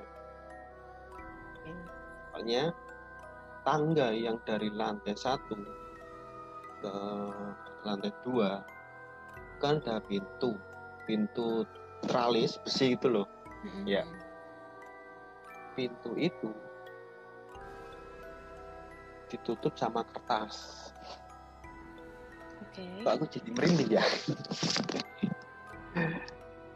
jadi ditutup sama kertas dan di depannya petak tangga itu ada kaca sama wastafel Oke. Kenapa saya tanya kenapa pintu itu kertas? Karena tiap orang yang cuci muka di situ melihat kaca pasti lihat ada orang di atas. Kelihatan kaki Hmm. dan itu walaupun pagi siang dia pagi waktu siang waktu itu tetap kondisinya di atas itu gelap. Oke oke. malamnya itu saya dilihatin di lantai eh, di dak lantai tiga dan temanku dilihatin waktu eh, ngeli ternyata tiga temanku itu ini aku temanku satu duanya itu dilihatin semua. Iya iya. Berarti Jadi- memang aktif lah ya, bisa dibilang em, penghuni dari gedung tersebut itu berarti aktif lah ya, bisa dibilang. Karena eh, dia tidak mengenal waktu nih harus malam atau pagi atau Iya. sore gitu kan? Eh, kondisi suasananya di lantai dua itu ya apa ya eh kayak lembab gitulah Iya oke. lembab dingin atau katanya orang-orang kan eh, untuk makhluk-makhluk itu kan suka seperti tempat seperti itu Oke. banyak sih cerita-cerita waktu kerjaan gitu Oke, itu dan itu salah satu yang Ya. maksudnya berkesan uh, dan masih diingat sampai sekarang gitu kan? Iya. Oke. Uh, kalau aku boleh menanggapi, menurut aku uh, yang tadi aku bilang uh, spirit yang ada di gedung tersebut itu aktif dan memang um, mereka yang tidak terlihat itu suka dengan keadaan tempat-tempat yang kotor, lembab, uh, tidak uh, berantakan karena uh, kesan dari uh, ciri-ciri tersebut itu uh, kesan tempat yang sudah tidak terpakai atau terbengkalai. Makanya mereka berani untuk uh, menghuni tempat tersebut. Kalau uh, secara logika seperti itu. Itu. Ya, memang. Gitu. Jadi uh, menurut aku uh, keren juga sih. Maksudnya sampai dia aktif dan um, aku nggak tahu nih posisinya uh, Mas Bayu ini adalah orang yang uh, sensitifkah dengan teman-temannya sensitif atau balik lagi uh, si spirit ini yang memang punya energi lebih jadi um, spirit ini yang dia bisa um, show up gitu menunjukkan diri di ya orang-orang yang dia inginkan gitu. Hmm, iya bisa juga nih karena uh, beberapa saat kejadian ada beberapa kejadian lagi itu memang dari beberapa kejadian lah itu um, saya simpulkan uh, orang baru bakalan di dia digoda lah. Okay. itu. Saya juga di bank salah satu bank juga ya sama kejadian setiap kalau tempat lain setiap malam oke okay. jadi kalau disimpulkan dari ceritanya Mas Bayu nih mungkin uh, si spiritnya ya yang hmm. dia memiliki energi yang lebih jadi dia bisa show up di orang-orang mana pun yang dia inginkan gitu karena kalau cuman satu atau dua uh, kejadian dan tidak semua orang mengalami hal tersebut biasanya memang orang orang-orang yang mengalami itu orang-orang yang cukup sensitif. Tapi kalau sampai setiap orang ke gedung tersebut mengalami peristiwa yang sama biasanya uh, memang energi dari si spirit itu yang um, mampu untuk menunjukkan uh, sosok dia itu seperti apa sih. Dan biasanya tujuannya um, beda-beda sih. Nggak selalu buruk nggak selalu menakuti ya para pendengar jauh karena aku udah selalu mention nih berkali-kali kalau spirit itu menunjukkan uh, diri itu belum tentu mereka um, jahat karena bisa aja mereka hanya ingin memberitahu bahwa Hai ini sudah jam sekian mungkin harus dihentikan aktivitas uh, kerja atau uh, mungkin ada salah satu um, orang-orang yang datang ke tempat tersebut kurang sopan dan mereka ingin menegur seperti itu. Tapi dengan cara mungkin yang sedikit creepy bisa dibilang gitu. Oke deh thank you ya uh, Mas Bayu untuk ceritanya. Mungkin dari Jaja sendiri gimana nih? Bisa okay. langsung di share ya uh, kalau dari gua menurut gua gua tuh bukan orang yang tipe-tipe orang yang peka gitu loh. Jadi hmm, cuma bisa ngerasain kehadiran mereka tapi gue nggak bisa lihat gitu. Oke. Okay. Jadi pengalaman gue tuh ya lumayan banyak ya kalau tentang hal mistis. Uh, sebelumnya gue mau nanya deh, Ras, uh, lu tuh tipe orang yang bisa lihat atau cuma bisa ngerasain? Bisa lihat dan bisa merasakan. Oke. Okay. Jadi gini, dulu tuh ya waktu gue tinggal di Indonesia ya, waktu gue masih di Indonesia, uh, rumah gue tuh baik-baik uh, aja dulu. Okay. Meskipun di situ ada uh, pohon yang lumayan tua gue nggak tahu ya kayaknya uh, sebelum gue beli rumah itu pohon itu udah ada gitu jadi kayak pohon yang udah lama banget sekitar 50 tahunan tapi nggak ada apa-apa nah mulai ada aktivitas uh, roh-roh yang yang mereka itu mm-hmm. saat gue dan teman-teman tongkrongan gue tuh bikin ini short movie. Okay. Nah, sebenarnya sih nggak apa-apa, short movie itu nggak apa-apa masalahnya yang kita bikin adalah short horror movie gitu okay. di di rumah gua okay. nah ya udah kayak kita bikin bikin dan emang kalau misalnya pengambilan uh, apa namanya kayak short horror movie atau sesuatu tentang yang horror-horror gitu kan pasti malam-malam lah ya mm-hmm. sama kayak Laras nih bikin podcast pasti malam gitu kan Benar. nah supaya dapat hype-nya gitu Oke. gue nggak tahu mungkin mereka itu terganggu gitu dengan aktivitas kami gitu pada saat itu gue masih belum mikir sampai ke sana gitu. Yang gue pikir kayak oh kita bikin konten gitu kan konten horor oke. Nah kejadian pertama itu pas gue lagi tidur. Jadi gue tidur sendirian kan kayak gue kakak beradik ada tiga. Oke. jadi sendiri-sendiri punya kamar. Nah di kamar gue tuh gue ceritain ya letak posisi kamar gue jadi di kasur gue itu kalau ngadep kiri ngadep tembok gitu. Kalau ngadep kanan itu meja belajar dan untuk teman-teman mungkin uh, sesuatu yang terbuat dari kayu gitu. Kalau didudukin kan pasti bunyi kayak kerenyit-kerenyit gitu ya. Iya. jadi di malam itu gue nggak tahu uh, jam berapa jam 9 jam 10-an lah. Jadi gue nggak bisa tidur terus gue main HP gitu. Akhirnya gue ngadep ke tembok ke kiri gitu ngadep tembok. Nah tiba-tiba di situ tuh mati lampu. Di situ gue nggak nggak mikir nggak mikir aneh-aneh kayak oh mati lampu oke kayak di Lipo tuh sering banget mati lampu gitu Oke. Nah, terus tiba-tiba gue bisa ngerasain gue nggak gue nggak ngeliat wujudnya, tapi gue ngerasain gitu. Ada sosok gede, hitam, dia tuh duduk di atas meja belajar gue, Oke. di atas meja belajar jati gue itu dan itu bunyi kayak kericit kericit gitu. Di situ gue nggak bisa gerak. Mungkin beberapa temen yang mengaku pernah ngeliat setan ya ngelihat nggak bisa gerak gitu. Dan di situ gue ngalamin gitu, nggak bisa Oke. gerak dan itu kali pertamanya gue nangis gara-gara setan. Di situ gue gue nangis terus gue sambil ngechat bokap gue pah pah ada orang di atas please ke atas gitu. Ya udah bok- bokap kan juga mikirnya kayak apaan sih? Orang nggak ada siapa-siapa gitu. Akhirnya bokap gue ke atas buka pintu nggak ada apa-apa dan bokap gue realize gitu kok oh nih anak kayaknya disetanin gitu. Ya udah akhirnya dua minggu lah gue eh, imigrasi ke kamar bokap nyokap gue jadi dua minggu Oke. itu kamar gue nggak ditempatin kosong gitu. Udah. Terus eh, berlanjut lagi. Kayaknya gue masih bikin short horror movie gitu dengan teman-teman gue dengan eh, mengabaikan pengalaman horor itu. Nah sama kayak di yang pertama tempatnya di kamar gue jadi Oke. gue lagi gue lagi tiduran gitu.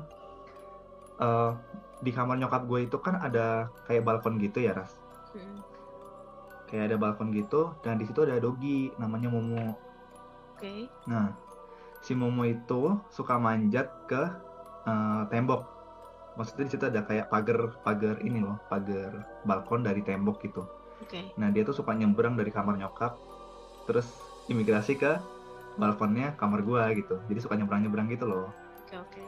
Udah dan gue bisa lihat dia dari jendela gitu karena kasur gue berhadapan dengan jendela. Ya udah di malam itu jam 12 atau jam berapa gue nonton YouTube gitu. Dengan bantal yang bikin gue agak duduk gitu jadi nggak nggak terlalu apa namanya nggak terlalu tidur gitu loh. Jadi agak duduk sambil ngadep ke jendela gitu. Nah di situ gue ngeliat Momo nyebrang nyebrang gitu loh. Nyebrang nyebrang gitu. Kayak oh Momo tuh nyebrang nyebrang ya udah ngerangkak gitu loh ngerangkak Oke. tapi habis itu 10 menit kemudian terus gue sadar eh Momo kan udah dikasih orang sumpah ini gue merinding banget ceritanya sumpah Oke. Eh, Momo kan udah dikasih orang terus yang ngerangkak ke situ siapa dan si sosok itu ngerangkak ke balkon gua nggak balik lagi nggak balik ke balkon nyokap gua kayak udah kayak ke kanan terus ngilang gitu loh Oke. Oke. kayak di situ kayak wah gila ini ini nggak benar sih rumah gua nggak benar gitu ya udah akhirnya imigrasi imigrasi lagi ke kamar nyokap gua dua minggu lagi tuh Oke. Nah, udah singkat cerita, gue pindah ke Jerman. Gue kira yang namanya hal mistis itu kan nggak ada gitu. Iya, hanya di Indonesia gitu. benar, Oke. Maksudnya hal-hal yang kuntilanak lah, eh, maksudnya mm, Mbak Kunti gitu, Iya. terus Iya. eh, pocong gitu. Hal-hal mistis tuh di Indonesia aja gitu. Ternyata di Jerman pun ada gitu. Oke. Tapi menurut gue kalau di luar negeri, gue nggak tahu ya. Antara apakah kepercayaan orang terhadap hal mistis di luar negeri itu sangat minim. Jadi yang ada tuh kayak poltergeist gitu loh. Kayak bukan sosok tapi ya aktivitas eh, roh gitu loh. Mm, Ya jadi eh, pas gue di dapur. Jadi gue kerja di dapur. eh, shift pagi. Kayaknya beberapa temen tahu cerita ini lah ya. udah gue ceritain uh, shift pagi biasa lah kan kalau shift pagi kan gue bikin sarapan untuk tamu-tamu hotel gitu loh Oke. ya biasa apa namanya manggang roti siap-siapin barang apa bahan-bahan gitu dan di dapur itu kalau misalkan jam 6 emang apa namanya hype-nya itu kan masih ngantuk gitu ya jadi gue nggak nyalain semua lampu gitu Oke. ada beberapa lampu yang emang gue sengaja nggak nyalain gitu supaya hype-nya tuh kayak aduh pengen pengen banget tidur gitu. Supaya mata nggak sakit juga gitu. Nah di deket kulkas itu ada tempat untuk panci-panci dan nampan gitu. Itu emang sengaja gue nggak nyalain.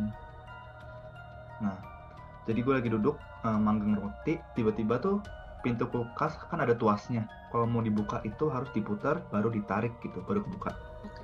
Nah kulkas itu ketutup. Kulkas itu ketutup tiba-tiba ada yang muter tuas itu dan narik kebuka gitu dan di situ Wow. kayak sempet kayak ya di situ sempet kayak what terus berusaha positive thinking gitu Iya, lagi iya. gelap pagi-pagi berusaha positive thinking kayak oh mungkin kulkasnya kendor gitu ya oke gitu. ya udahlah Manusiawi banget lah ya. Iya iya. Itu sebenarnya juga gue nahan takut sih, cuma eh, mengalihkan pikiran gitu loh. Oke. Heeh, ya udah. Nah di situ gue shift cuma berdua. Jadi di dapur gue, terus di servis ada satu cewek namanya Dina. Nah akhirnya gue ngambil kain eh, lap gitu di bawah kain lap untuk ngelap-lap ini loh apa namanya piring yang habis dicuci gitu. Nah di hotel gue itu kan eh, toilet itu lagi direnovasi ya, toilet cowok maupun cewek itu lagi direnovasi.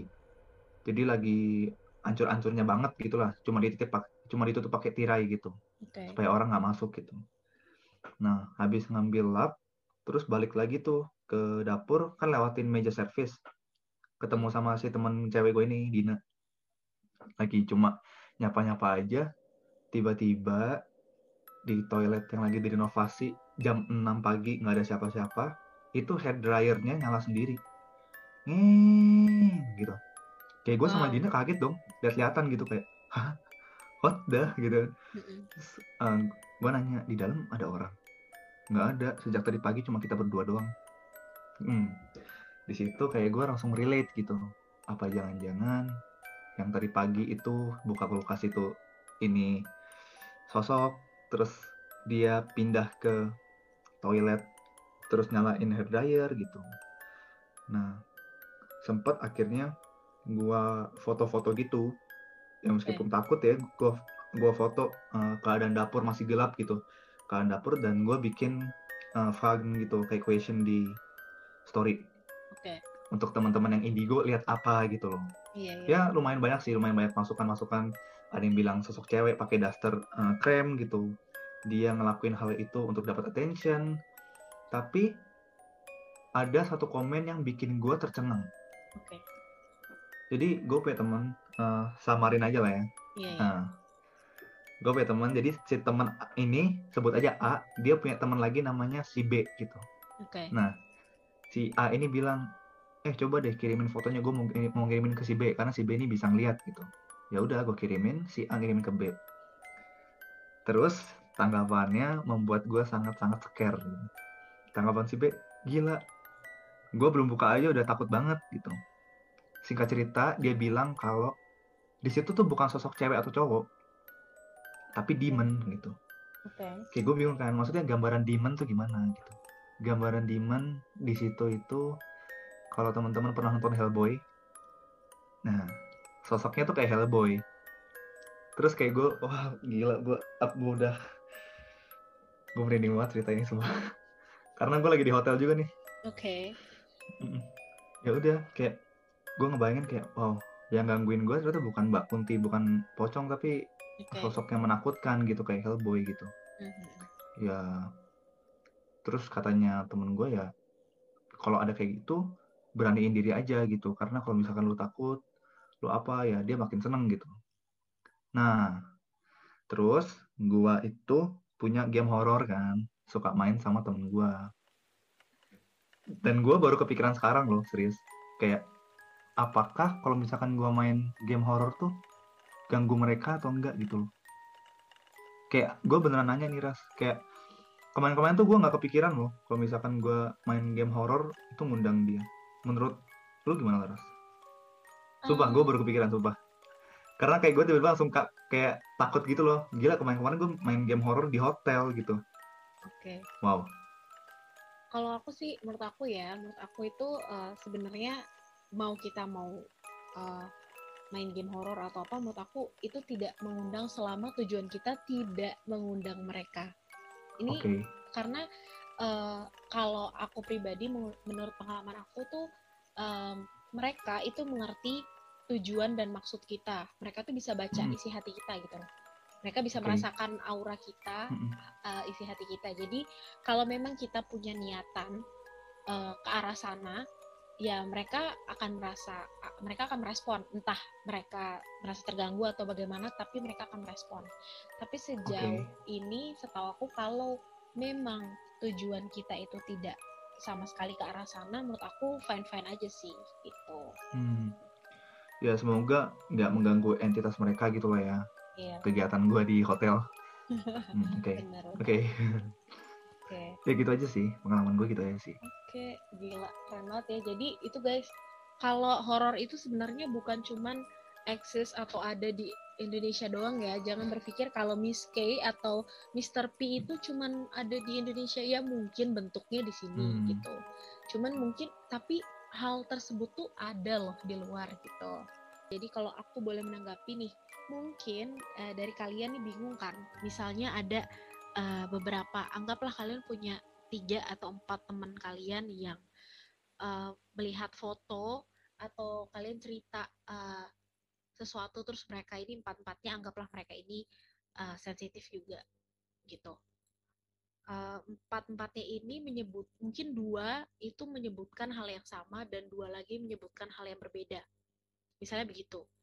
Terus eh, kita tuh pasti bingung eh, bingung yang benar tuh yang mana sih gitu jadi em, kalau aku boleh memberi saran, mungkin dari keempat itu sebenarnya benar semua. Karena eh, tingkat sensitif orang itu untuk menyerap energi atau melihat energi itu berbeda gitu. Anggaplah kayak misalnya eh, kamu jalan di suatu eh, anggaplah kalian jalan lagi, lagi jalan di Malioboro atau pasar gitu. Kalian nggak mungkin bisa melihat orang-orang di pasar tersebut itu secara bersamaan dalam waktu yang sama gitu loh. Pasti akan kalian eh, ngeliatnya mungkin ke arah yang sebelah kiri, di mana mungkin ada yang baju kuning, merah dan segala macem gitu. Kalian dapatnya tuh eh, scene-nya yang itu gitu. Tapi mungkin yang eh, teman kamu ini ngelihatnya di bagian yang sebelah sini gitu. Atau dia juga ngelihatnya kebetulan dapat energinya di sebelah eh, kanan atau di atas gitu. Jadi em, untuk eh, tiap orang itu untuk mendapatkan energi dan untuk sinkronisasi energi itu itu tuh menurut aku itu hal tersulit gitu. Karena biasanya em, kalau kalian tahu Ani juga eh, salah satu host JAL itu dia eh, bisa dibilang juga sensitif dan sama seperti aku. Jadi kalau biasanya aku mendapat atau menangkap suatu energi itu aku biasanya afirmasi dulu nih ceritanya ke dia kayak an coba deh kamu melihat gak sih sosok ini? Gitu. Kamu bener-bener lihat gak gitu. Dan Ani bilang "E, yang ini ya ras. Ciri-cirinya jadi mungkin Ani ngelihatnya tuh dia siluet bentuknya siluet sedangkan aku mungkin sudah mulai melihat eh, bagian mata gitu. Atau mungkin Ani udah melihatnya lebih aku mungkin cuma lihatnya siluet gitu. Karena ya itu tadi tingkat eh, untuk seseorang eh, melihat energi atau sinkronisasi energi itu berbeda gitu tingkat sensitif orang itu berbeda. Dan ada benarnya kalau misalnya kondisi kita lagi capek nih atau kondisi kita lagi eh, tadi ngantuk atau itu kan energi kita sebagai manusia tuh belum full belum belum siap gitu. Nah itu biasanya eh, energi kita itu sinkron sama mereka makanya biarpun kita nggak sensitif itu kita bisa merasakan keberadaan mereka karena kebetulan tingkat energi kita sama atau setara dengan mereka. Kalau aku mempelajarinya seperti itu gitu. Misalnya uh, tadi uh, kalau bisa didengar dari ceritanya Mas Bayu atau uh, JJ sendiri, uh, mungkin ada di saat malam hari atau pagi hari di mana kondisi tubuh itu mungkin uh, lagi tidak fit atau mungkin lagi lelah atau dalam keadaan masih ngantuk belum siap gitu itu biasanya energi kita itu sinkron sama mereka jadi setara gitu. Akhirnya kita bisa merasakan energi mereka juga itu bisa. Jadi masih banyak kemungkinan kenapa uh, kita bisa merasakan keberadaan mereka. Selain kita cuman uh, bisa dibilang oh mungkin karena si orang ini sensitif gitu sebenarnya belum tentu gitu. Jadi nggak nggak selalu cuma satu alasan karena dia sensitif atau karena si energi ini uh, mungkin dia uh, punya energi yang kuat jadi dia bisa memunculkan uh, sosoknya si spirit ini ke orang-orang. Belum tentu juga. Jadi uh, banyak alasan uh, di balik itu gitu. Nah mungkin buat para pendengar jal yang senang dengerin kisah horor um, kalian boleh mendengar uh, boleh percaya kalau aku sih pribadi aku yang merasakan dan melihat dan cukup sensitif. Aku bisa dibilang aku percaya dan dan dan percaya nggak percaya sih sebenarnya. Bisa dibilang gitu. Jadi uh, tetap percaya sama Tuhan karena uh, Tuhan itu maha kuasa gitu. Jadi jangan jangan nggak usah takut nggak usah uh, usah khawatir kalau mereka itu ada di sekitar kita uh, mereka itu ya sama seperti kita gitu loh jadi harapannya dengan podcast kita yang membuat kisah-kisah horor ini sebenarnya tujuannya hanya menghibur gitu loh. Oke deh, uh, mungkin kali ini podcastnya segitu dulu. Terima kasih untuk Mas Bayu dan JJ yang udah berbagi kisah horornya bersama teman-teman Jal. Thank you ya guys. Terima kasih juga buat Lara. Oke, okay. um, oke okay deh uh, buat kalian yang sekarang mungkin lagi belajar atau lagi kerja sambil dengerin podcast horror kita, jangan lupa untuk selalu update, uh, subscribe, like YouTube-nya Jal dan juga dengerin podcast kita di app-app podcast seperti Spotify dan uh, Anchor mungkin. Kalau gitu jangan lupa juga buat kalian untuk stay at home, jangan ke mana-mana karena kita masih menghadapi pandemi COVID-19 gitu. Harapannya kalian tetap sehat, ikuti protokol kesehatan supaya uh, pandemi ini cepat berakhir gitu. Oke deh, thank you ya guys. Bye. Bye.